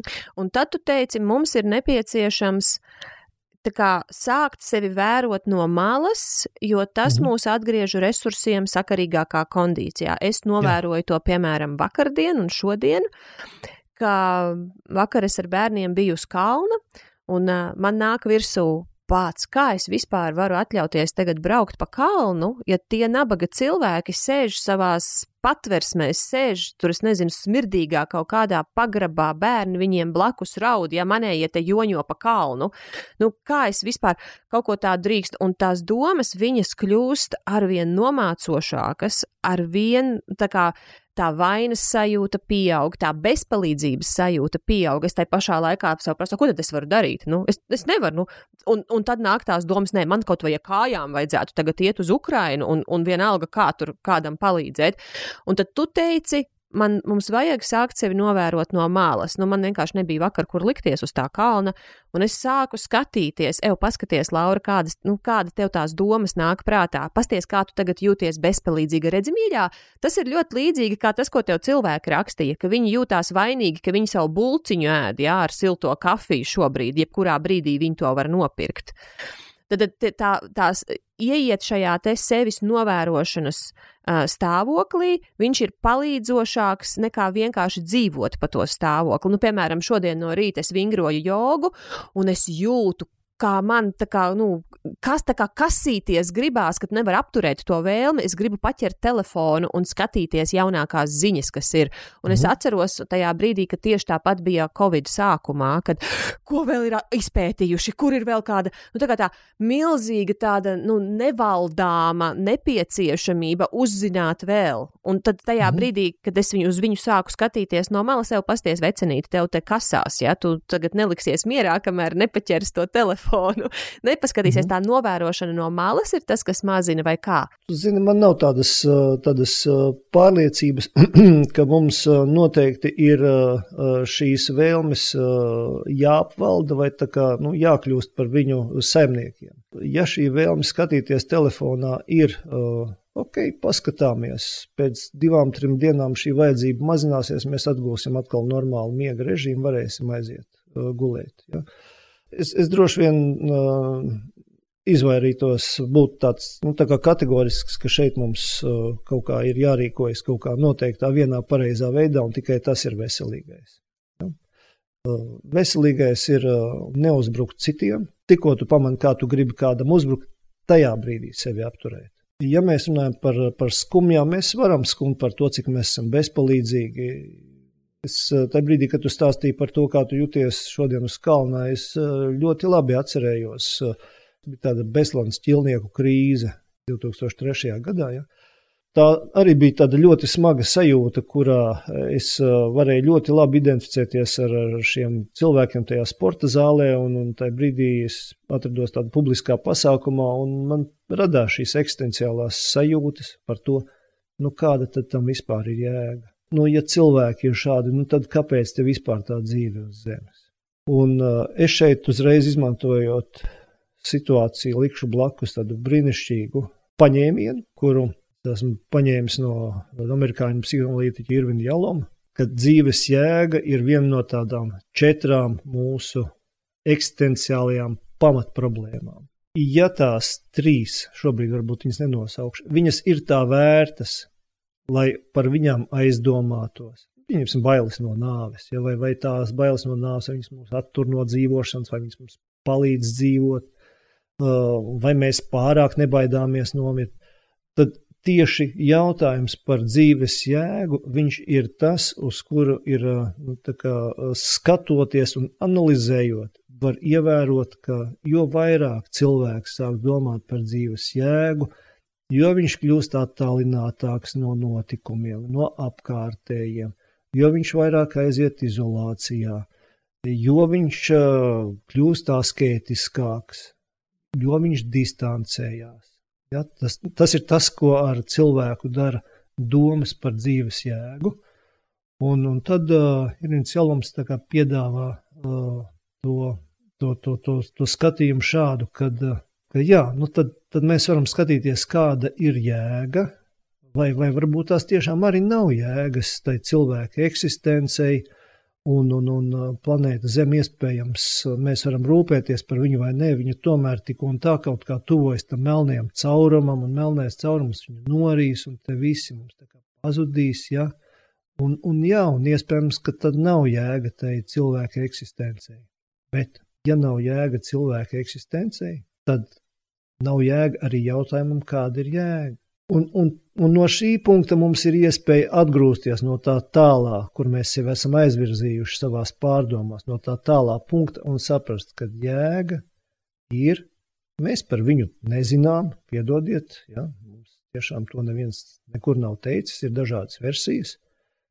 Bet, ja mēs šeit sēdēsim rokas klēpī salikuši, Nu, visticamāk, ne mūsu mazbērni, ne mazmazbērni nesaņems atbildu šo jautājumu, kāda ir jēga. Mēs nedrīkstam sevi atdalīt no dzīves, no šīs aktīvās, foršās dzīves, kas mums visapkārt notiek un kurā mēs atgriezīsimies, pat negaidot, kad karš beigsies. Jau kara laikā. Vai kaut vai tiem pašiem ukrāņu bēgļiem, ja viņi būs, lai viņiem tiešām ir iespēja atbraukt šeit un kopā ar mums smelties prieku, aizmirsties uz kalna vai kaut kādās rotaļās. Es piedāvātu šādu skatījumu. Man tas liekas ārkārtīgi vērtīgi, ko tu pastāstīji par to, ka tad, kad es atļaujos aizdomāties, kāda tad vispār ir jēga, nu, kāda ir dzīves jēga, ka tajā brīdī es nonāku, tad, kad es domāju par ģenerāli lielās dzīves Jā. jēgu, Jā. es tieši nonāku kondīcijā, kas patiesībā man nepalīdz. Bet tad, kad es nonāku pie tā, visticamākais, es to neuzzināšu. Bet, uh, nu, es tagad esmu dzīva, es tagad esmu dzīva, un es varu izvēlēties kaut kādu mazo jēgu. Piemēram, tad, kad tie bēgļi būs klāt, uh, es piedāvāšu, nezinu, savus kartupeļus viņiem aizvest, vai es piedāvāšu uzvāram kopā zupu, ja es viņiem paprasīšu nodziediet man kaut kādu savu dziesmu, kur viņi, piemēram, to dziesmu dziedot, viņi sajutīs kaut kāda veida atvieglojumu. Nu, tas tad, tad kā kaut kāda. Mm -hmm. kā es, es meklēju pēc tā ieteikuma, ja tas ir pareizi vai nepareizi, lūdzu, korģē. Es meklēju jēgu uz īsāku brīdi, šodienas jēgu, es meklēju šīs nedēļas jēgu, tajā, ko es varu izdarīt kādam citam, mm -hmm. un ko es varbūt arī sev varu izdarīt. Vai tā? Es, eh, Laura, šeit eh, būšu psihoterapeits un pajautāšu, kā tev pašai liekas. Vai tas ir pareizi, vai tas ir veselīgi tā darīt? Es uh, skatos, nu, man parasti tas ir palīdzējis. Bet, nu, bet, zini, kas ir, zini, bet zini, kur nu, ir nu, problēma? Jā. Problēma ir tajā, ka tas palīdz, ja es to izdaru. Mhm. Problēma ir pirms tam, kad nevar saņemties uz to rīcību. Nu, piemēram, es zinu, mm -hmm. ka man vajadzētu iet, teiksim, izskrieties, bet es esmu tajā brīdī ielipusi tajā ekrānā, vienkārši refresh, refresh, ja, atjaunojot to ziņu Aha. lenti, lai redzētu vēl kaut ko. Pēc skrējiena es būšu ar sakarīgāku galvu, es ar saviem bērniem varēšu sakarīgāk komunicēt, es varēšu domāt daudz sakarīgāk, ko vēl es varu darīt, lai palīdzētu. Bet es nespēju nu, kaut kādā brīdī vienkārši sevi aizdabūt uz to, uh, uz to izkustēšanos, un līdzīgi ar to jēgu, kad Bet kāda jēga tai jēgai šodienā vai nedēļā, ja vispār ģenerāli nav jēgas? Nu, kā, to, kā jā. vispār sevi novest līdz tam, ka mēs tajā brīdī, kur nespējam rīkoties, kā sev palīdzēt, ka mēs nonākam, kur mēs spējam rīkoties? Man uh, atkal tajā brīdī patīk atgriezties pie šiem diviem vienkāršiem uh, cilvēka dzīves mērķiem. Ja? Parūpēties par savu drošību, parūpēties par to, lai pēc tevis lai tu turpinies. Ja, caur bērniem, ja, caur, caur saviem darbiem. Es, es nesodītu ne tevi, ne sevi, ne, nevienu par to pārāk, ka tieši šajā brīdī. Man gan liekas, ka šobrīd tas jau ir bišķītais muguras. Mēs vairs neesam tik ļoti nofokusēti uz tām ziņu lentām, ja tas pīķis patreiz ir pāri. Tagad sākas otrā pēckrīzes fāze, kad mēs vairāk sadodamies rokās, tā sauktā medus mēneša fāze, ja, kad mēs tā kā idealizējam cilvēka spējas, visi esam vienoti. Tas nav ne labi, ne slikti. Tas vienkārši tā ir. Tādi mēs cilvēki esam, tādas dzīves būtnes. Un, un noteikti, ka, ka, ka tas ir daudz labāk, ka tas notiek šajā situācijā, nekā tas bija tad, kad bija Covid. Ja, mums ir tā vispār vajadzēja to divu metru distanci un katram savā dzīvoklī uzkavēties. Un, jā, un pēc trim sešiem mēnešiem šī fāze paies, ja, tad, tad būs tā, tā kā sāksies pieņemšanas fāze, kas parasti iet gadu, divus, kad uh, sākam apzināties, ka mums tā kā ir jādzīvo tālāk tajā realitātē, kāda tur ir. Ja? Un, un visur mums, mēs tur nonāksim, un tikai pēc, šiem, pēc šīm trim fāzēm, tas apmēram pēc gada vai diviem, tad uh, iestājas tā pieņemšanas fāze. Nu, tad mēs pieņemam to jauno realitāti, kāda viņa ir. Patreiz galvenais nepārmest sev par to, ka mēs nedarām tā, kā mēs darītu, es nezinu, kaut kādā kā ideālā pasaulē. Ja, ka mēs izlasām, ka, ka Ukrainā kādu šaujumu, tad noliekam no telefona un ejam paskriet. Nu, ja mēs tā nevaram, ja mēs tādi neesam kā, kā cilvēki, tad, tad pats svarīgākais sevi ar to visu neievainot. Ok, šobrīd ir tāds brīdis. Varēšu atkal atgriezties tad, kad bišķīt noplaks tās, tās, tās emocijas, kad, kad uh, būs varbūt vairāk skaidrības, ka es varēšu uz to skatīties kā uz pietiekami veselīgu nodarbību, nevis, nevis kā, kā skraidīšu un nemitīgi sev pārmetīšu, kā, kā es tagad nu, tērēju laiku zemē, kur man vajadzētu steidzam paskatīties, vai gadījumā tanki jau nav tur, teiksim, Rīgas pievārtē. Ja? Mm -hmm. Ko vēl mēs varam darīt sevis atbalstīšanai šajā fāzē, kurā mēs esam? Nu, teiksim, tad, kad um, sarunu ar tevi mēs publicēsim, tad visticamākais tā pati tās pirmās pirmo dienu šoks jau būs pāri. Tad ko mhm. tajā fāzē var darīt, lai cilvēks uh, neiedzen sevi, nu, pārākās bailēs, uh, ne, sli, slimības, lai viņiem kādas nesākās, mm -hmm. lai mhm. tas netraucē Jā. vēl kaut kā? Es domāju, ļoti precīzs jautājums, ja, jo tieši Tas ir tas, kas nākošajā fāzē ir visraksturīgākais, ja, ka, ka mēs mēdzam noliegt mūsu ievainojamību, mēs mēdzam no, noliegt mūsu depresijas vai, vai trauksmes, ja, mēs mēdzam sevi izdedzināt, mēs mēdzam pārāk aktīvi kaut ko darīt. Un, un, un, un tas ir tas, tas ko es varētu aicināt, bet uh, droši vien, ka zinot cilvēku, es pieļauju, ka šis aicinājums arī īpaši dzirdīgas ausis neatradīs. Ja? Es teiktu, ka nu, vismaz neprasīt no sevis, lai viss uzreiz ir izdarīts uh, vienā dienā. Tā kā atstāt kaut ko no darāmā arī rītdienai. Tas, tas būtu tas, ko es ieteiktu nākošajā, šajā nākošajā fāzē. Mm -hmm, labi. Tā, tagad, ko mēs no tevis esam iemācījušies šodien? Kā tad, oh. ja mums ir darīšana ar uh, pretēju viedokli, tad, uh, ja tas pretējais viedoklis mazina manu jaudu, mazina manu kaut kādu veselo saprātu, tad es uh, izvēlos komunicēt tur, kur tas mani stiprina un, teiksim, nogriež to nost tur, kur es saskaros. Izvēlos, jā, izvēlos tajā brīdī uh, ieraudzīt, ka es mierīgi varu pagriezt galvu projām. Ja? Mums nav, man nav jā, nekas jāpierāda. Tieši tā.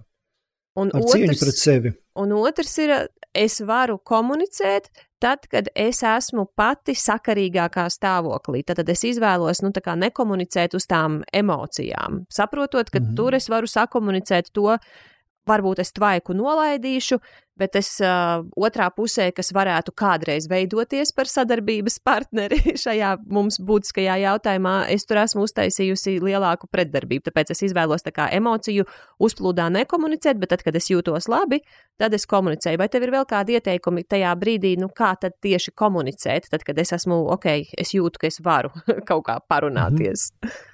Mans ieteikums ir saprast, kāpēc es ar šo cilvēku komunicēju.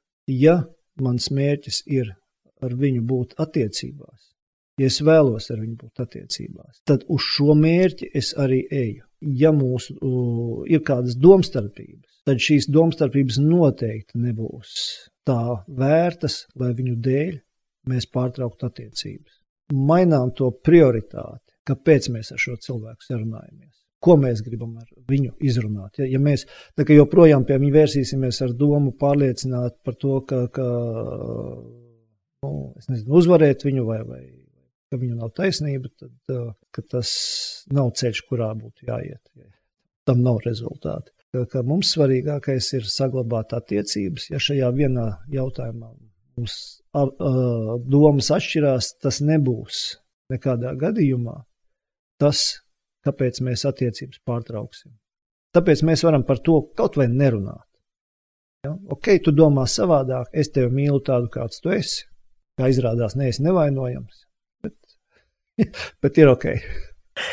Un savukārt, ja es konstatēju, tā nav mana mamma, tas nav mans tētis, tā nav, piemēram, mana māsa, tas nav arī, teiksim, mans priekšnieks, kur, nu, man nav citu variantu. Tas ir vienīgais darbs, kur es varu darīt, jā, bet es konstatēju, nu, tas ir mans draugs, piemēram, nu, draudzene.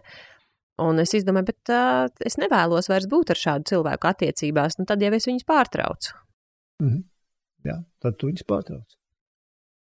Man, man nav ne, ne mazākās morālās tiesības tev pateikt, tu dari pareizi vai nepareizi. Es, es tādas nejūtu. Es, es arī esmu pārtraucis draudzības ar cilvēkiem, ar kuriem es jūtu, ka mēs pārāk atšķiramies. Vai tās kvalitātes, kuras uh, es. Uh, viņā vērtēju, ka viņas izrādās ir savādākas. Es esmu viņu kaut kur idealizējis. Okay. Un, ja mēs atgriežamies pie tās palīdzēšanas sev, tad um, nu, pastāv iespēja, ka šī kara ietekmē, nu, es vismaz esmu novērojusi ar sevi šajās pirmajās, nu, šodien ir, kā es, es cēlos no rīta, un es vīram teicu, es uh, lasīju vakardien tādu, nu, es neteikšu, ka joku, galīgi tas nebija domāts kā joks, bet tur bija tāds teksts, es nezinu, kas šodien ir pa dienu, es zinu trešā diena. Uh, nu, kad kara mm. trešā diena, un man, man šorīt bija līdzīgi. Es arī vīram saku, es esmu tajā stadijā, es nezinu, kur ir diena, bet es zinu ceturtā. Mm. Un šajā ceturtajā dienā mēs, ja skatāmies atpakaļ, jau bija kalni un lējas. Mans jautājums tev ir tāds. Tad, kad ir uz augšu lietas, es arī pati jūtos labi un citi cilvēki līdzīgi. Bet tad, kad notiek tā, nu, pieņemsim, kaut kāds sācinājums, kaut, un tāds, nu, jau ļoti slikts sācinājums, nu, piemēram, liela daļa cilvēku pārbijās brīdī, kad tu saproti, Krievi ir, Čer Černobiļa ir Krievu pārziņā šobrīd. Mhm. Uh, un tad, tad atkal ir tas, uh, ir šausmīgi slikti, atkal nav spēka, atkal ir daudz šīs bailes aktivizējās. Tad, tu kā cilvēks, kurš krīzes jēdz labāk, ko tu ieteiktu darīt tajā brīdī, kad ir tā krīze, iekš, vienalga kuras fāzes, bet kur ir tas nu, pasliktinājums, ka man atkal viss rādās diezgan melnās krāsās, un es jūtu to mm -hmm. savu bezpalīdzību atkal krietni izteiktāk. Nu, ko tad es darīšu? Nu, viss es esmu iesprūdusi. Redzi, es tev varu tā kā teikt, ko darīt, ko darīt psihoterapeitam. Un psihoterapeitam šai situācijā būtu jāsaprot, vai cilvēks, kurš ir krīzē, vai viņš saskaras ar reālu zaudējumu vai ar neziņu. Vai viņam reāli zaudējuma gadījumā, vai viņam ir jāiet cauri visai šai sērošanas fāzei, tur noliegums, dusmas, kaulēšanās, depresija un pieņemšana, vai vienīgais veids, kā viņš var būt pietiekami vesels, ir ka viņš iztur neziņu. Respektīvi, ka viņam nav jānodarbojas ar sērošanu šai brīdī, bet viņam ir jāpieņem tas fakts, ka viņš nezina, kā būs. Būtiski, ka pie neziņas uh, mūsu psihe parasti izmanto mehānismu, kurš ir pamatā trauksmes traucējumiem. Respektīvi, pie neziņas uh, mēs raizējamies par to, kas būs. Ja? Mums šīs prognozes par to, kas būs, šo prognožu ģenerēšana, ir kaut kas tāds, kas nu, tā pats no sevis notiek. Ja? Teicu, tā psihi uztver realitāti caur savu pieredzi. Būs tas, būs tas, būs tas. Tā ir aiziešanās. Un, un es piedāvātu, tad, ok, ja ir aiziešanās, ja, ja nu ir iespējams ierādīt priekš tās raizēšanās noteiktu daļu, kad to darīt, nu, teiksim, nu, desmit minūtes katrā stundā. Desmit minūtes mēs raizējamies, teiksim, no 12 līdz 12.10. Tad 12.10 mēs beidzam. Mēs zinām, ka, teiksim, vienos mēs atkal varēsim pie tā atgriezties, ja, bet, nu, tajās 50 minūtēs, tad tajās mēs neraizējamies, mēs pievēršamies dzīvei. Katrs var atrast to savu individuālo veidu. Var arī reizi dienā. Bet, bet jebkurā gadījumā tas, tas ir veids, kā mēs cenšamies izvairīties no tādām ļoti smagām domām. Un, un, un šeit mēs atkal nonākam pie jautājuma par bezspēcību, par bezpalīdzību. Ja? Vai varbūt par domām par dzīves jēgu. Ka, ka tas tiešām ir veids, kā mēs no tā pasargājam. Bet tajā brīdī, kad mēs par to aizdomājamies, mēs nu, droši vien pieskaramies savām spējām reflektēt, būt pietiekami zinoši, pārzināt dažādus nezinu, cilvēces attīstības periodus un saprast, ka šādos periodos cilvēki ir nokļuvuši pietiekami regulāri. Tā ir tāda neatņemama cilvēka eksistences daļa, ka viņam vienmēr ir jāatrod veids, kā aiz kaut kādas maliņas aizķerties, lai ietu uz priekšu. Un šī maliņa, aiz kā aizķerties, viņai nav jābūt obligāti reālai. Mums nav obligāti reāli jāsāk darīt kaut kas ļoti nu, tāds, tāds jēgpilns. Pilnīgi pietiek, lai mūsu psihei būtu kāds simbols, uz ko mēs tiecamies. Kaut vai, pieņemsim, karoga pacelšanu pie mājas. Mēs nevaram pateikt, kāda ir tā jēga, bet ar to pašu mēs sev psihē dodam signālu, ir vismaz šo soli speram, rītā tāpat darīsim, vai saslaukām celiņu. Vai arī tajā uh, grūtajā brīdī, kad uh, ļoti negribas iet ārā, varbūt negribas no tās sporta lentes atrauties, mēs varam pateikt, ok, ja uzbrukums būs, tādā gadījumā noteikti būs vajadzīgs mans fiziskās spējas, lai pasargātu sevi, savus mīļos. Ar tādu mērķi es eju, es trenējos. Es, es varbūt negribu šeit ironizēt, bet mēs tā kā varam tā kā pielikt šādā veidā, es grauju Krievu armijas varenību. Ja? Kā, ka viņi ar vēl vienu pietiekami veiklu cilvēku viņiem būs jātiek galā. Tātad pieņemt, ka neziņa vienmēr būs saistīta ar aiziešanos, un ka šādos brīžos mums nav svarīgi, ka mēs darām kaut ko ļoti racionālu, bet pilnīgi pietiek, ka mēs kaut kā simboliski kādu solīti speram tajā nezināmajā uz priekšu, ka mēs nepaliekam sastinguši.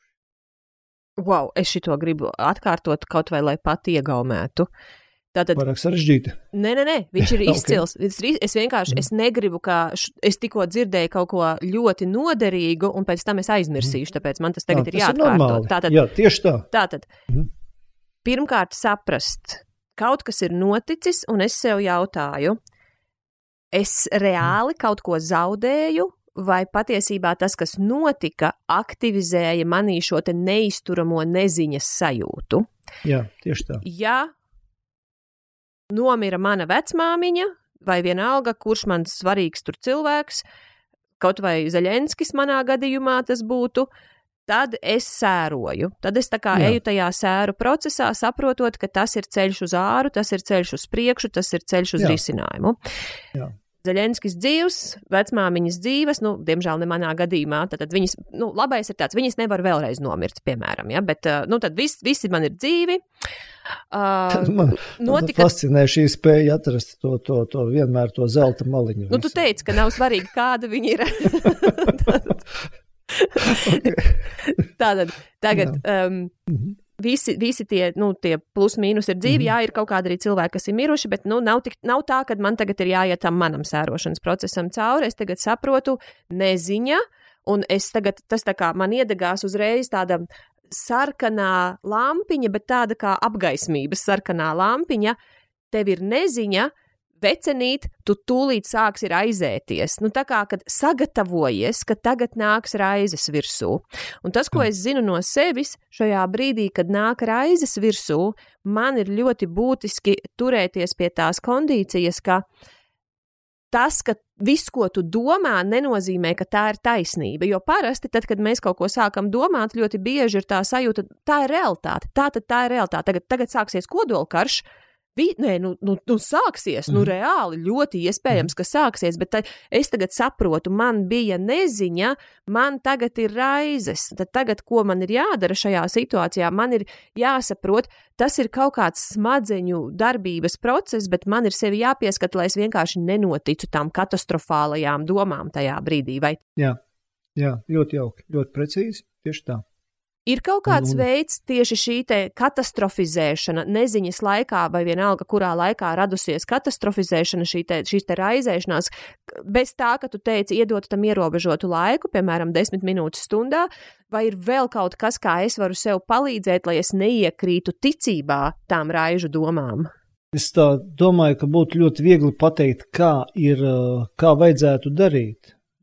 Bet uh, es domāju, ka, lai ko es arī šobrīd pateiktu, tas visticamāk nestrādās. Ka katram ir jāatrod tas savs mazais modelītis. Ja, tas, tas drīzāk ir tā, ka es tev jautātu, kā tev pašai liekas, kas tev liktu saglabāt kādu kustības sajūtu uz priekšu, ka tu spēr soli uz nākotni. Vai tā ir zobu izmazgāšana, vai tā ir trauku izmazgāšana, vai tas, kā jau pieminēju, karoga uzvilkšana pie mājas, vai tā ir ziedojumu atvēršana, ja, vai, vai tā ir plānošana, kā mēs šo nedēļu, kur mēs ēdienu, o, paņemsim, jebkuras kustības, kuras mums, mūsu psihei nosignalizēt, ka mēs joprojām esam rīcības spējīgi, un, un mēs šeit mēs tomēr kaut ko neprasot, lai mēs simtprocentīgi zinām, ka būs labi, bet mēs vismaz sakām sev, nu, vecīt vai vecinīt, nu, notici. Būs, ja? vienkārši spēr šos soļus. Ja? Tā kā, tā kā uh, šajā brīnišķīgā filmā, diemžēl neatceros, kāds ir viņas precīzais nosaukums latviski, kurā DiCaprio tēloja mednieku, kurš bija ciets no indiāņu uzbrukuma un kur savējie pameta tur lāču pusplosītu ar laustu kāju mežā. Ka pie visa šīs šausminošās situācijas svarīgākais bija pēc iespējas vilkties tajā virzienā, kur nu, saule riet vai saule jaust. Respektīvi, galvenais, galvenais kaut kādus solīšus turpināt spērt. Tad tas tagad man ir tas neziņas process, man ir sācies uh, raizēšanās process, un tad jau tad, kad es vienkārši konstatēju, o, es jūtos bezpalīdzīgi, o, man liekas, viss mēs grimstam, ir baigi slikti, saprast, ah, šī ir tā neziņa. Pirmkārt, ka es tā kā saprotu, šī ir tā mhm. neziņa. Tūlīt būs raizēšanās, un tad es sev Jā. atgādinu. Tad, kad tev uznāks raizēšanās un tev malsies pa galvu visādi scenāriji, atceries, ko teica Vītiņš. Vītiņš -hmm. teica, saglabā savu rīcības spēju kaut ko konkrēti izdarot. Jā, tā tad, tieši tā. Ja es tagad domāju, es taču nevaru, nu, man vajag vismaz paēst, lai man galva strādā. Es kaut vai eju un pēdu, kaut, kaut vai jā. to. Ja man ir Padzeros sajūta, ūdeni kaut vai. Jā, mhm. vai man ir sajūta, tagad tie Ukrāņu kareivi, kas ir devušies tur karot, viņi tagad nevar savus bērnus samīļot. Bāc, es varu savus bērnus samīļot. Ja maniem bērniem ar mhm. mīlestību noderēs un apskāvienu, es tad eju kaut vai samīļot savus bērnus. Ja arī es atceros, paga, paga, stresā galva nestrādā, stresu var izlādēt ar fiziskām kustībām. Es tad tagad vai nu es izēju paskriet, vai es varu tikai pastaigāt, ja kaut vai es varu tikai, es nezinu, pālpot pareizajā virzienā, lai šo stresu mazinātu. Es tātad Jā. izdaru to, jo doktors Vītiņš taču teica, kad es sev varu iedot mērķi, ja notiks tās sliktās lietas, no kā es baidos, man ir jābūt kondīcijā, kur es varu uz viņām reaģēt. Tad tagad kaut vai reāla lieta, ko es varu darīt, es rūpējos, lai, ja notiek sliktās lietas, es esmu kondīcijā, kur es esmu rīcības spējīgāk. Tā, ja? Jā. Nu, tad vēl viena lieta, ko tu teici. Mēs arī izvēlamies tam, kam mēs nu, ticam, tam, tam cerību staram, ko tas mums iedod. Mēs tā kā nu, tas simbols, tas mērķis, uz ko es eju. Un es tad sev atgādinu, tu teici arī sarunas sākumā, es izvēlos domāt, karš beigsies. Nu, jo mm. pēc visas spriežot, nu nevar tāda situācija tā kā, turpināties. Lai gan man par to mhm. nekas neliecina. Man varbūt tieši nāk virsū tās domas. Nē, pasties, Putins 20 mm. cik tur gadus jau bija pie varas, ja kā tas vispār ir iespējams. Viņš vēl vairāk nāks pie varas, viņš vēl vairāk apspiedīs, bet tad es sev jautāju, ko mhm. man tā doma dod. Nu, man tikai sliktāk paliek. Vai arī es atceros, Jā. ko mans tēvs teica, kurš ir nu, tāds ļoti pragmatisks cilvēks. Viņš teica, taisnība vienmēr uzvar. Un es nezinu, vai uzvarēs. Es varu teikt, reku 20 gadus taisnība neuzvarēja. Tieši otrādi meli visu laiku ir uzvarējuši un pieņēmušies spēkā, bet es domāju, bet tad, kad es ticu tam, ka taisnība uzvar, man ir vieglāk dzīvot. Ja vismaz man ir cerīgāka tā attieksme pret dzīvi. Jā. Man, saka, mēlē šeit piebilst, ka, ka droši vien, ka taisnības uzvara ir kaut kas tāds, ko mēs visi gribētu. Bet, bet, diemžēl, mums ir jāsaskaras ar to, ka šai taisnībai ir visu laiku jāturpina būt aktīvai.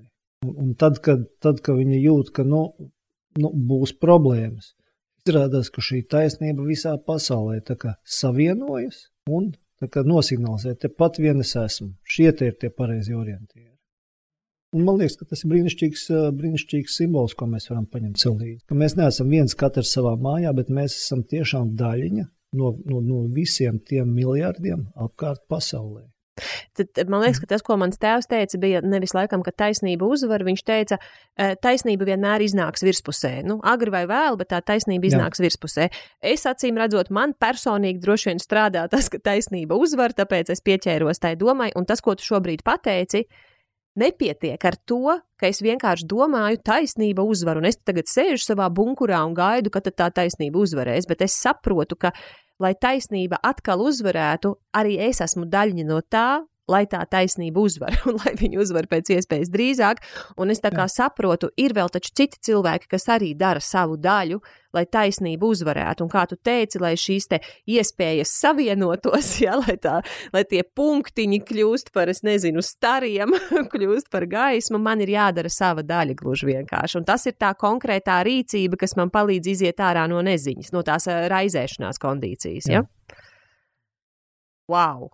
Nozīmē, mums ir baigi jāpieskata, kas būs tā vadošā doma, kas ir tā kā ziemeļzvaigzne, kura, lai vienalga, cik es justos apmaldījusies, es skatos, kur ir mana ziemeļzvaigzne, es turpinu Jā. rīkoties, es turpinu virzīties manas palīdzošās ziemeļzvaigznes virzienā ar konkrētu soli, kā tu teici, kā tas kaprio, ja, kaut vai rāpo vai li, lien uz vēdera, bet pareizajā virzienā. Un tas virziens pareizais ir tas, ko es izvēlos, jo man tas palīdz. Jā, tieši tā. Tieši tā. Ir vēl kaut kas, ko mēs varam darīt, lai sevi pieķertu, ka mēs esam nonākuši šajā bezpalīdzības uh, stadijā vai šajā neziņas stadijā. Jo, redzi, man liekas, ka tas grūtākais, tad, kad mēs jau zinām, kas ar mums ir, tad jau mēs varam izvēlēties, bet kā būt tajā situācijā, kur mēs, mēs vēl nezinām, kā tikt līdz zināšanai. Es domāju, ka tas, ko mēs noteikti, ko, ko mēs vienmēr varam pieķert, ir, vai mēs esam sākuši izolēties no citiem ja tikko mēs eh, sākam palikt ar vien vienāki un vientuļāki, tad tas ir signāls, ka mēs kaut ko nedarām pareizi. Tikko mēs sākam sevi dalīt ārā no attiecībām ar citiem cilvēkiem. Tātad, tad, kad es, piemēram, norobežojos un es, piemēram, nestāstu savam vīram, piemēram, par savām raizēm, ja? nu, jo es esmu attiecībā, es nebūšu viena, nu, man būs trīs cilvēki regulāri apkārt, bet es izolējos kaut kādās savās sajūtās vai tā, tas arī var būt, ja tieši fiziski izolējos. Nu, es, es, es nedomāju par tavu piemēru, bet, ja mēs tādu vispārnātu piemēru ņemam, tad, eh, teiksim, vīrs neatbalsta to, ka ģimenes nauda tiek izmesta ārā kaut, nu, kaut kur ārpus ģimenes, ka vajadzētu viņu tomēr tagad saglabāt labāk. Ja. Ka, ka, ja es pamanu, ka es tagad ar vīru pārstāju runāt, tāpēc, ja vai sāku šaubīties par to, cik viņš mīl mūsu bērnus vai cik viņš ir atbilstošs mūsu vērtībām, tad šajā situācijā vajadzētu uz to skatīties ar piesardzību redzēt, ka kaut kas, kaut, kaut kur es neeju veselīgā virzienā. Es tūlīt tās sev varu vēl vairāk savainot kaut kur. Iedzīt sevi kaut kādā strupceļā vai, vai depresijā. Tas varētu būt. Tad uh, tiek ieteikts uh, atturēties no ātriem cukuriem un uh, vieglajām kalorijām bagāta ēdiena. Šokolādi nebūtu vēlams lietot skatoties ziņas, ja, vai, vai, vai saldo popkornu. Es šeit, protams, ironizēju. Ja Bet uh, tas, tas vēl būtu ļoti vērtīgi. Arī doties ik pa laikam pastaigās, varbūt ne uz uh, stundu vai, vai, vai uz dienu, ja, bet minūtes 20. Paskaties uz to, ka jā, pasaulē, lai, lai, vai, lai, lai vai kā ir gājis, bet tomēr koki aug pret sauli, pavasaris tuvojas, parādās lapiņas, Un, un tad, tad tāds noteikts ieteikums, ja ir sajūta, ka pats netiec galā, ka tās trauksme ir pārāk ejoša pāri, ka redzes lauks ir aizsegts, vai arī bezcerības sajūta ir pārāk dziļa, un tu esi zaudējis, zaudējis šo, šo iespēju ieraudzīt to zelta maliņu, es kā pieturēties. Nekavēties, bet meklēt speciālistu palīdzību. Kas būtu tie speciālisti, ko tu ieteiktu cilvēkiem tajās situācijās, kur viņi šeit, šajās te bailēs no kara vai uztraukumos varētu būt? Nu, ja jūti, ka radinieks nespēja palīdzēt, vai draugs nespēja palīdzēt, tad, es, protams, iesaku psihoterapiju, psihoterapeitu. Ja ir sajūta, ka ir pavisam, ka, ka palīdzība vajadzīga nekavējoties, tad arī psihiatru. Ir ambulatorā palīdzība vienmēr pieejama, jāsazvanās un jādodas uz turieni. Nu, tas, tas būtu tas, tas, ko es noteikti ieteiktu. Vai nav tā, vai nav tā ka um, ar šo varētu būt saistīts arī tādi aizspriedumi, ka es pat neesmu karā, man tā viss ir dzīvi, nu, kas tad es galīgi tagad netieku ar lietām, nu, tā kā galā. Ka man, tagad, man manā situācijā griezties, vērsties tagad pie psihoterapeita, nu, tā kā pašai par sevi paliek, nu, kaut kādā veidā kā kauns, ka, ko tad es darīšu, tā kā būs lielās briesmas, ja, ja jau es tagad esmu ķīseļaina. Un vispār tā nauda taču ir jāpietaupa. Nu, no sērijas, bet es, es jūtu, ka nu, mhm. es netieku galā. Mm. Tad kā palīdzēt Jā. tiem cilvēkiem, kas nevar šādi izvēlēties šo soli spērt? Šādiem cilvēkiem tad uh, ieteikt, ka noteikti, ka tu mums esi mīļš un vajadzīgs, un vajadzīgs būs arī pēc gadiem 20, 30. Šobrīd ir svarīgi, lai tu parūpējies par savu veselību. Mēs redzam, ka uh, ar tevi ir grūti. Es jāteic, patreiz vairs neskatos tik varbūt ar tādām bailēm uz, uz, uz, uz to, ka, ka cilvēks var noliegt savu vajadzību, jo ir tāds kritisks punkts, kas katram ir dziļi personisks, kad viņš saprot, ok, ne, tomēr es šeit vērsīšos pēc palīdzības. Ir nu, droši vien līdzīgi kā, kā, kā pie zobārsta, ja, ka ir cilvēki, kuri iet reizi pusgadā, un, un ir tādi, kuri iet tad, kad nu, ir sācies nopietnas process, ja, bet, bet parasti tas, tas, tas nav saistīts ar to, ka gribētu ietaupīt naudu vai ka es esmu tā mīkstais, tāpēc, ka es eju pie zobārsta. Lūk, tāpēc, tāpēc, tāpēc mm, tas man tādu, tādu, tādu raizi varbūt nerada, ja, ka cilvēki varētu. Ka viņiem vajadzētu iet, bet viņi saka, nē, nu, man, man tā kā nauda jāpietaupa. Nu, ja nauda jāpietaupa, tad, tad ir jāpietaupa. Var, var psihoterapeiti nekur nepazudīs, var arī atnākt vēlāk. Jāni, kā ir ar uh, runāšanos starp uh, savējiem? Kas ir tās, uh, nu, sa, vai var, nu, es te vienkārši domāju tā. -hmm. Viņi uztraucās, es uztraucos, mēs tagad runājam, kā mēs te visi uztraucamies. Vai tas ir palīdzoši? Vai rezultātā mēs vēl vairāk uztrauksimies, vai atkal mēs tagad mēģināsim izvairīties no sarunām, ka mēs uztraucamies, vai tas atkal nenodarīs pāri. Tad, tad, kad es komunicēju ar citiem cilvēkiem, kādā veidā mums kopā ir labāk komunicēt, lai tas ir palīdzoši, nevis uh, graujoši? Nu, tai sarunai var būt uh, mērķis ventilēties, ja, un tai sarunai var būt mērķis uh, būt tādu pieturas punktu.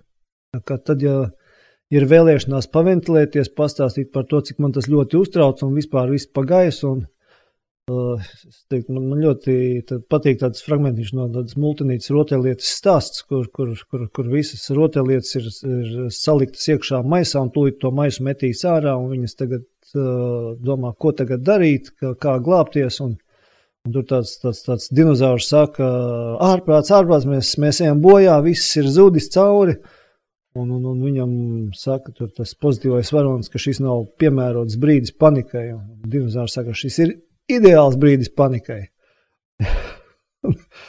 un tāpēc es tā, tā domāju, ka, ka, ka mums ir jāskatās, kurā brīdī mēs varam bišķi paventilēties. Ja? Ka, ka ir pa daudz. Un, un, un kurā brīdī runāt ar ko, ar cilvēku, kurš var tiešām tā kā tas uh, omegas komandieris, ja, kurš ir. Es, es šeit vēlreiz atgriezīšos pie tā, ka viņam šīs prasmes visticamāk kaut kur nedaudz ir iedzimtas, bet bez regulāriem treniņiem viņš nav gatavs piedāvāt tādu stabilu, mierīgu skatu. Un, un arī mums nevajadzētu no sevis nu, mierīgi tā kā, tā kā prasīt, ka mēs kara situācijā nu, saglabājam mieru, tur katrs ejam pēc sava Kalašņikova pagrabā un, vai, vai tur sazināmies. Ja, ka, ka tas, tas, tas viss prasa treniņus, ja, jo, jo mēs tiešām visu uztveram tikai izējot no savas pieredzes. Ja, dažkārt pieredze saka, ka, es pazīšu draudzenēm, mēs abas divas parunāsim par to, cik viss ir šausmas un ko tagad darīt nu, bišķi palīdzēs man tas. Tad es to izdaru. Bet, ja es saprotu, ka draudzene man uzvilks vēl vairāk, ja, tad, tad es labāk piezvanu tur, nezinu, Jānis Vītiņam un pajautāju, nu, paklauk, kā, kā man tagad rīkoties. Ja. Kā rīkoties tiem cilvēkiem, kas ir iesaistīti kaut kādos kolektīvos, nu, piemēram, darba kolektīvā? Tas droši vien vairāk attiecās tieši uz arī uz vadītājiem, ka tu jūti, ka tavi cilvēki ir sanervozējušies, un tad, nu, kādas bieži vien ir tās stratēģijas. Šeit ir darbs, mēs par to nerunāsim. Bet vai nav tā, ka tas var traucēt darbam, ja varbūt tas tieši palīdz darbam? Kas ir tas daudzums, kur, ok, mēs tagad parunāsimies, bet lai tas neaiziet kaut kādā neproduktīvā, tur, nu, vai pat traucējošā virzienā. Kādi būtu tavi ieteikumi tur, kur cilvēks ir atbildīgs par citiem cilvēkiem, un viņš redz, nu, nav, nav labi, bet ko, kurš variants būs uz labo pusi, nevis uz vēl sliktāko pusi? Kā man rīkoties te? Tādos gadījumos Es labprāt uh, domātu par to, ka droši vien, ka mēs absolūti neviens vairs šobrīd nevaram no šīs uh, tēmas kaut kur izvairīties, ja viņi noteikti būs. Un uh, būs darba kolektīvi, piemēram, ar Baltikas vai, vai piemēram, Svetbank, kur viņiem ir šī jauna realitāte, ja kā teiksim, strādāt, kad, kad milzīgs partners ir izslēgts no valūtas apmaiņas sistēmas, jeb uh, jeb uh, milzīgs, uh, milzīga teritorija pēkšņi ir kļuvusi tāda pāri, kurai vairs nedrīkst lidot, vai uz kuru vairs nedrīkst lidot. Ja, ko darīt ar tiem darbiniekiem, kuri atbrīvojas no darba, ja, kur, kur to visu tā likt. Tāpēc es, uh, es teiktu, ka, ka mana rekomendācija var būt tikai ļoti vispārināta. Tajā brīdī, ja uh, vadītājs vai kāds no kolektīva redz, ka uh, šī saruna kļūst nu, vairāk pārāk ventilējoša un tas sāk kļūt nomācoši. Ja viņš jūt, ka, ka pārējie viņu ieklausīsies, viņš tā arī pasaka, man šobrīd tas ir bišķīt pa daudz, ja, prasās arī bišķīt pastrādāt. Atjaunot sajūtu, ka es kaut ko arī varu darīt. Ja viņš nejūtas, ka viņš tajā brīdī var teikt kolektīvam, tad, nu, tad viņš vienkārši piecīs un aiziet pastrādāt. Lielas paldies par šo! Um, es tev nejautāju par to, kā runāt ar bērniem, tāpēc vien, ka tā informācija ir pieejama šajās mhm. te brošūrās par to, kā Ļoti runāt. Ļoti labas brošūras. Man liekas, brīnišķīgas. Jā. Vērtīgas lietas tur ir iekšā. Absolūti. Nils Konstantinos ar komandu liekas brīnišķīgi ātri norēģēja un cepuri nost. Mm -hmm. Ir vēl kaut kādi materiāli, kurus tu cilvēkiem vari ieteikt, kā noderīgus šajā laikā. Nezinu, vai tās ir grāmatas, vai tās ir kādas intervijas, vienalga kāda resursa tev citi varbūt ir padomā. Par to neesmu domājis. Domāju, ka mēs pilnīgi mierīgi varam šobrīd paļauties uz tām ziņām, ko mums sniedz Latvijas televīzija, mūsu, mūsu valdība. Un, uh, droši vien ar to pilnīgi pietiek, lai mēs būtu tādā kontaktā ar to, kas reāli notiek. Un, ja ir sajūta, ka ir par daudz, tad vai nu paventilējamies, vai parunājam ar kādu, kurš, ar kuru viedokli mēs rēķināmies vai cienām, ja kurš ir vairāk pie zemes. Mm -hmm. un, un kas ir ar resursiem, piemēram, tādiem cilvēkiem, kuri šīs bailes ļoti aktīvi izjūt, kuri zina, ka viņu vārgā vieta ir, piemēram, šī raizēšanās, vai, vai tev ir kaut, nu, un viņš jūt, man, man vajag vēl kaut ko, nu, labi, pie psihoterapeita varbūt eju, vai varbūt mhm. šobrīd nevaru atļauties iet, kas būtu tie resursi viņiem, ja tev ir zināmi, ko tu vari ieteikt? Zini, tas ir tāds varbūt tās citāts no Šveika, ja, kur brīnišķīgi viņš saka, ja, kas, ko, ko gan nozīmē kapteinis Zāgners salīdzinot ar varano dabu. Un, droši vien, ka mēs varam šeit to pārfrāzēt, ko gan nozīmē ģenerālisimus Putins salīdzinot ar vareno dabu.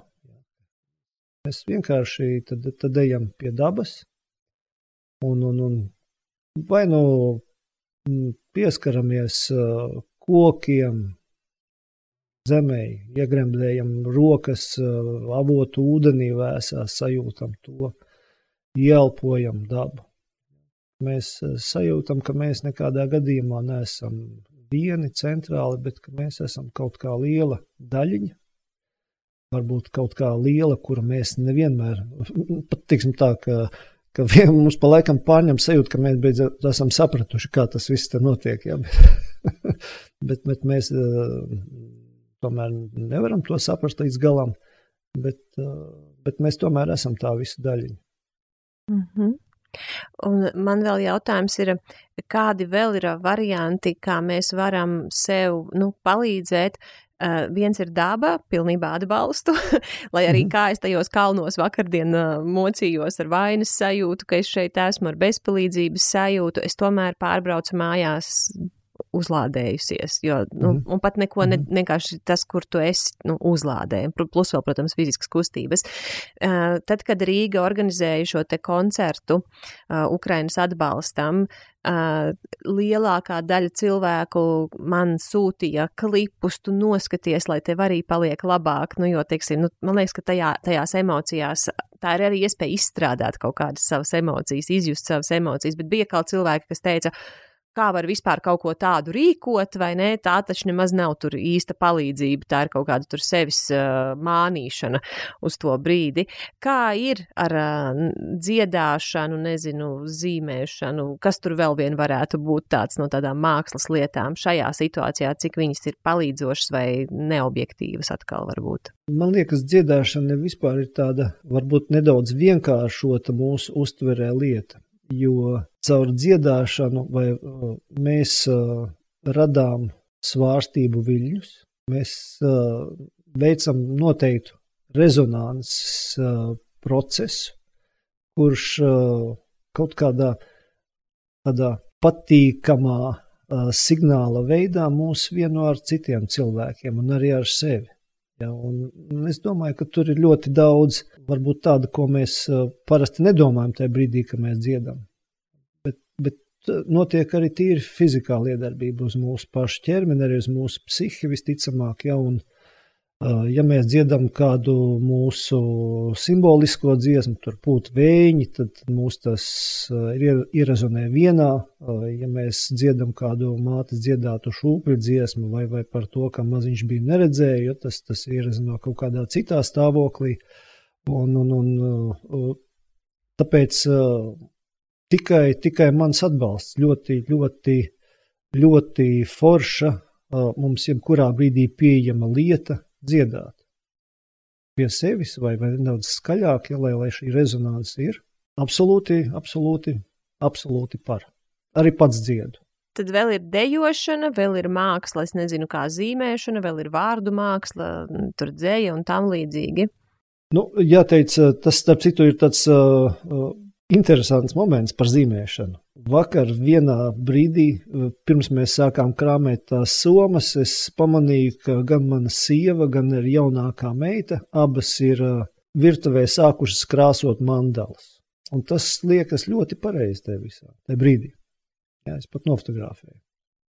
Tas ir arī savā veidā nomierinoša kustība. Viņa arī pārņem, pārņem arī domas, nu, kad es tā kā koncentrējos, Jā. ko es te krāsoju. Jā. Tajā brīdī manā galvā nu, tās raizes, viņām vairs nav tik daudz vietas, gluži vienkārši. Ja? Jā.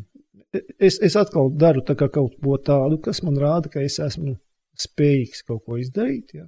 Bez jautājuma, kāda tur tāda dziļa jēga, ko es pēc tam darīšu, vai sūtīšu uz Ukrajinu to mandalu, vai tam nav nozīmes. Mm -hmm. Jāni, vai ir kaut kas, ko es tev nepajautāju, bet ko mūsu sarunas sakarā būtu bijis prātīgi pajautāt, un uh, ko tu uz to atbildētu? Ja tu man pateiktu gan jautājumu, gan atbildi, varbūt tu vēl kaut ko arī gribi piebilst pie visa, ko izrunājām.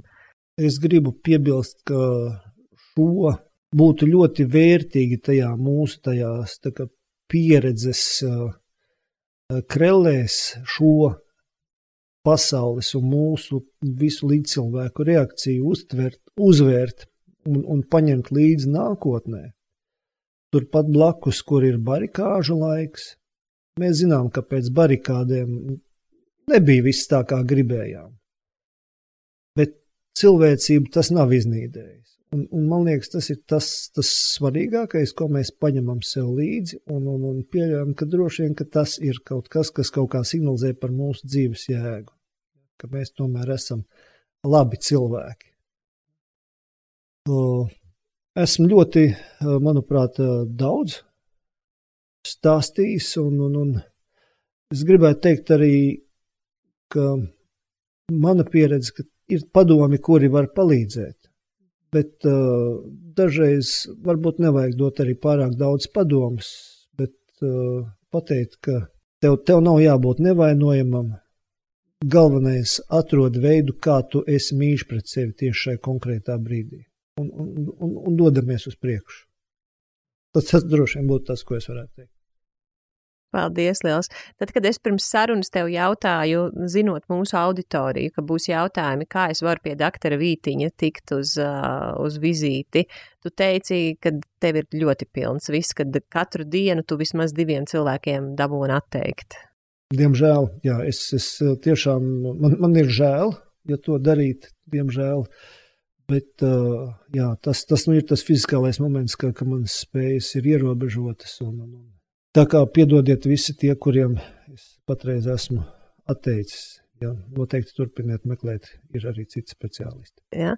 Un, Jāni, bet kā ir, piemēram, ja varbūt kāds kolektīvs saka, ok, mēs nevaram dabūt katrs individuāli doktoru Vītiņu, vai mēs varam varbūt doktoru Vītiņu uzaicināt, es nezinu, stundu sarunu ar mūsu darbiniekiem, vai tāda iespēja, ka, nezinu, lekcijas veidā, vai, vai mm. ies pastāv ar tevi? Es, es domāju, ka par to vienmēr ir vērts uh, runāt un prasīt, ja, un tad mēs varam izvērtēt, ko un kā. Mm -hmm. un kā, kur, kā tevi sakontaktēt tiem, kas saka, mēs gribam šo iespēju? Uh, vislabāk pa telefonu vai arī WhatsAppā uzrakstīt. WhatsAppā. Un tavu numuru Jā. cilvēki var atrast kur? Uh, mans numurs ir uh, pieejams tad, ja ieraksta uh, Jānis Vītiņš, psihoterapeits Google. Ja, praktiski eh, manu kontaktu informāciju. Tad es esmu arī ārstu psihoterapeitu asociācijas eh, mājaslapā, kā viens no speciālistiem. Ja, tur arī ir mans telefons. Mhm.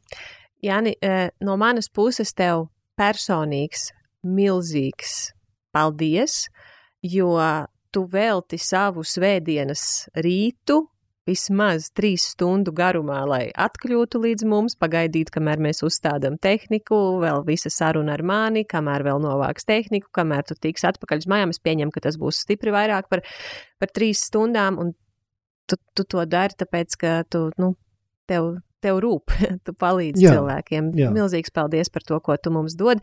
Es personīgi lielākais ieguvums no manas sarunas, man personīgi ar tevi, bija šī sapratne, ka problēma ir neziņa, un tās rezultātā izceļas raizēšanās.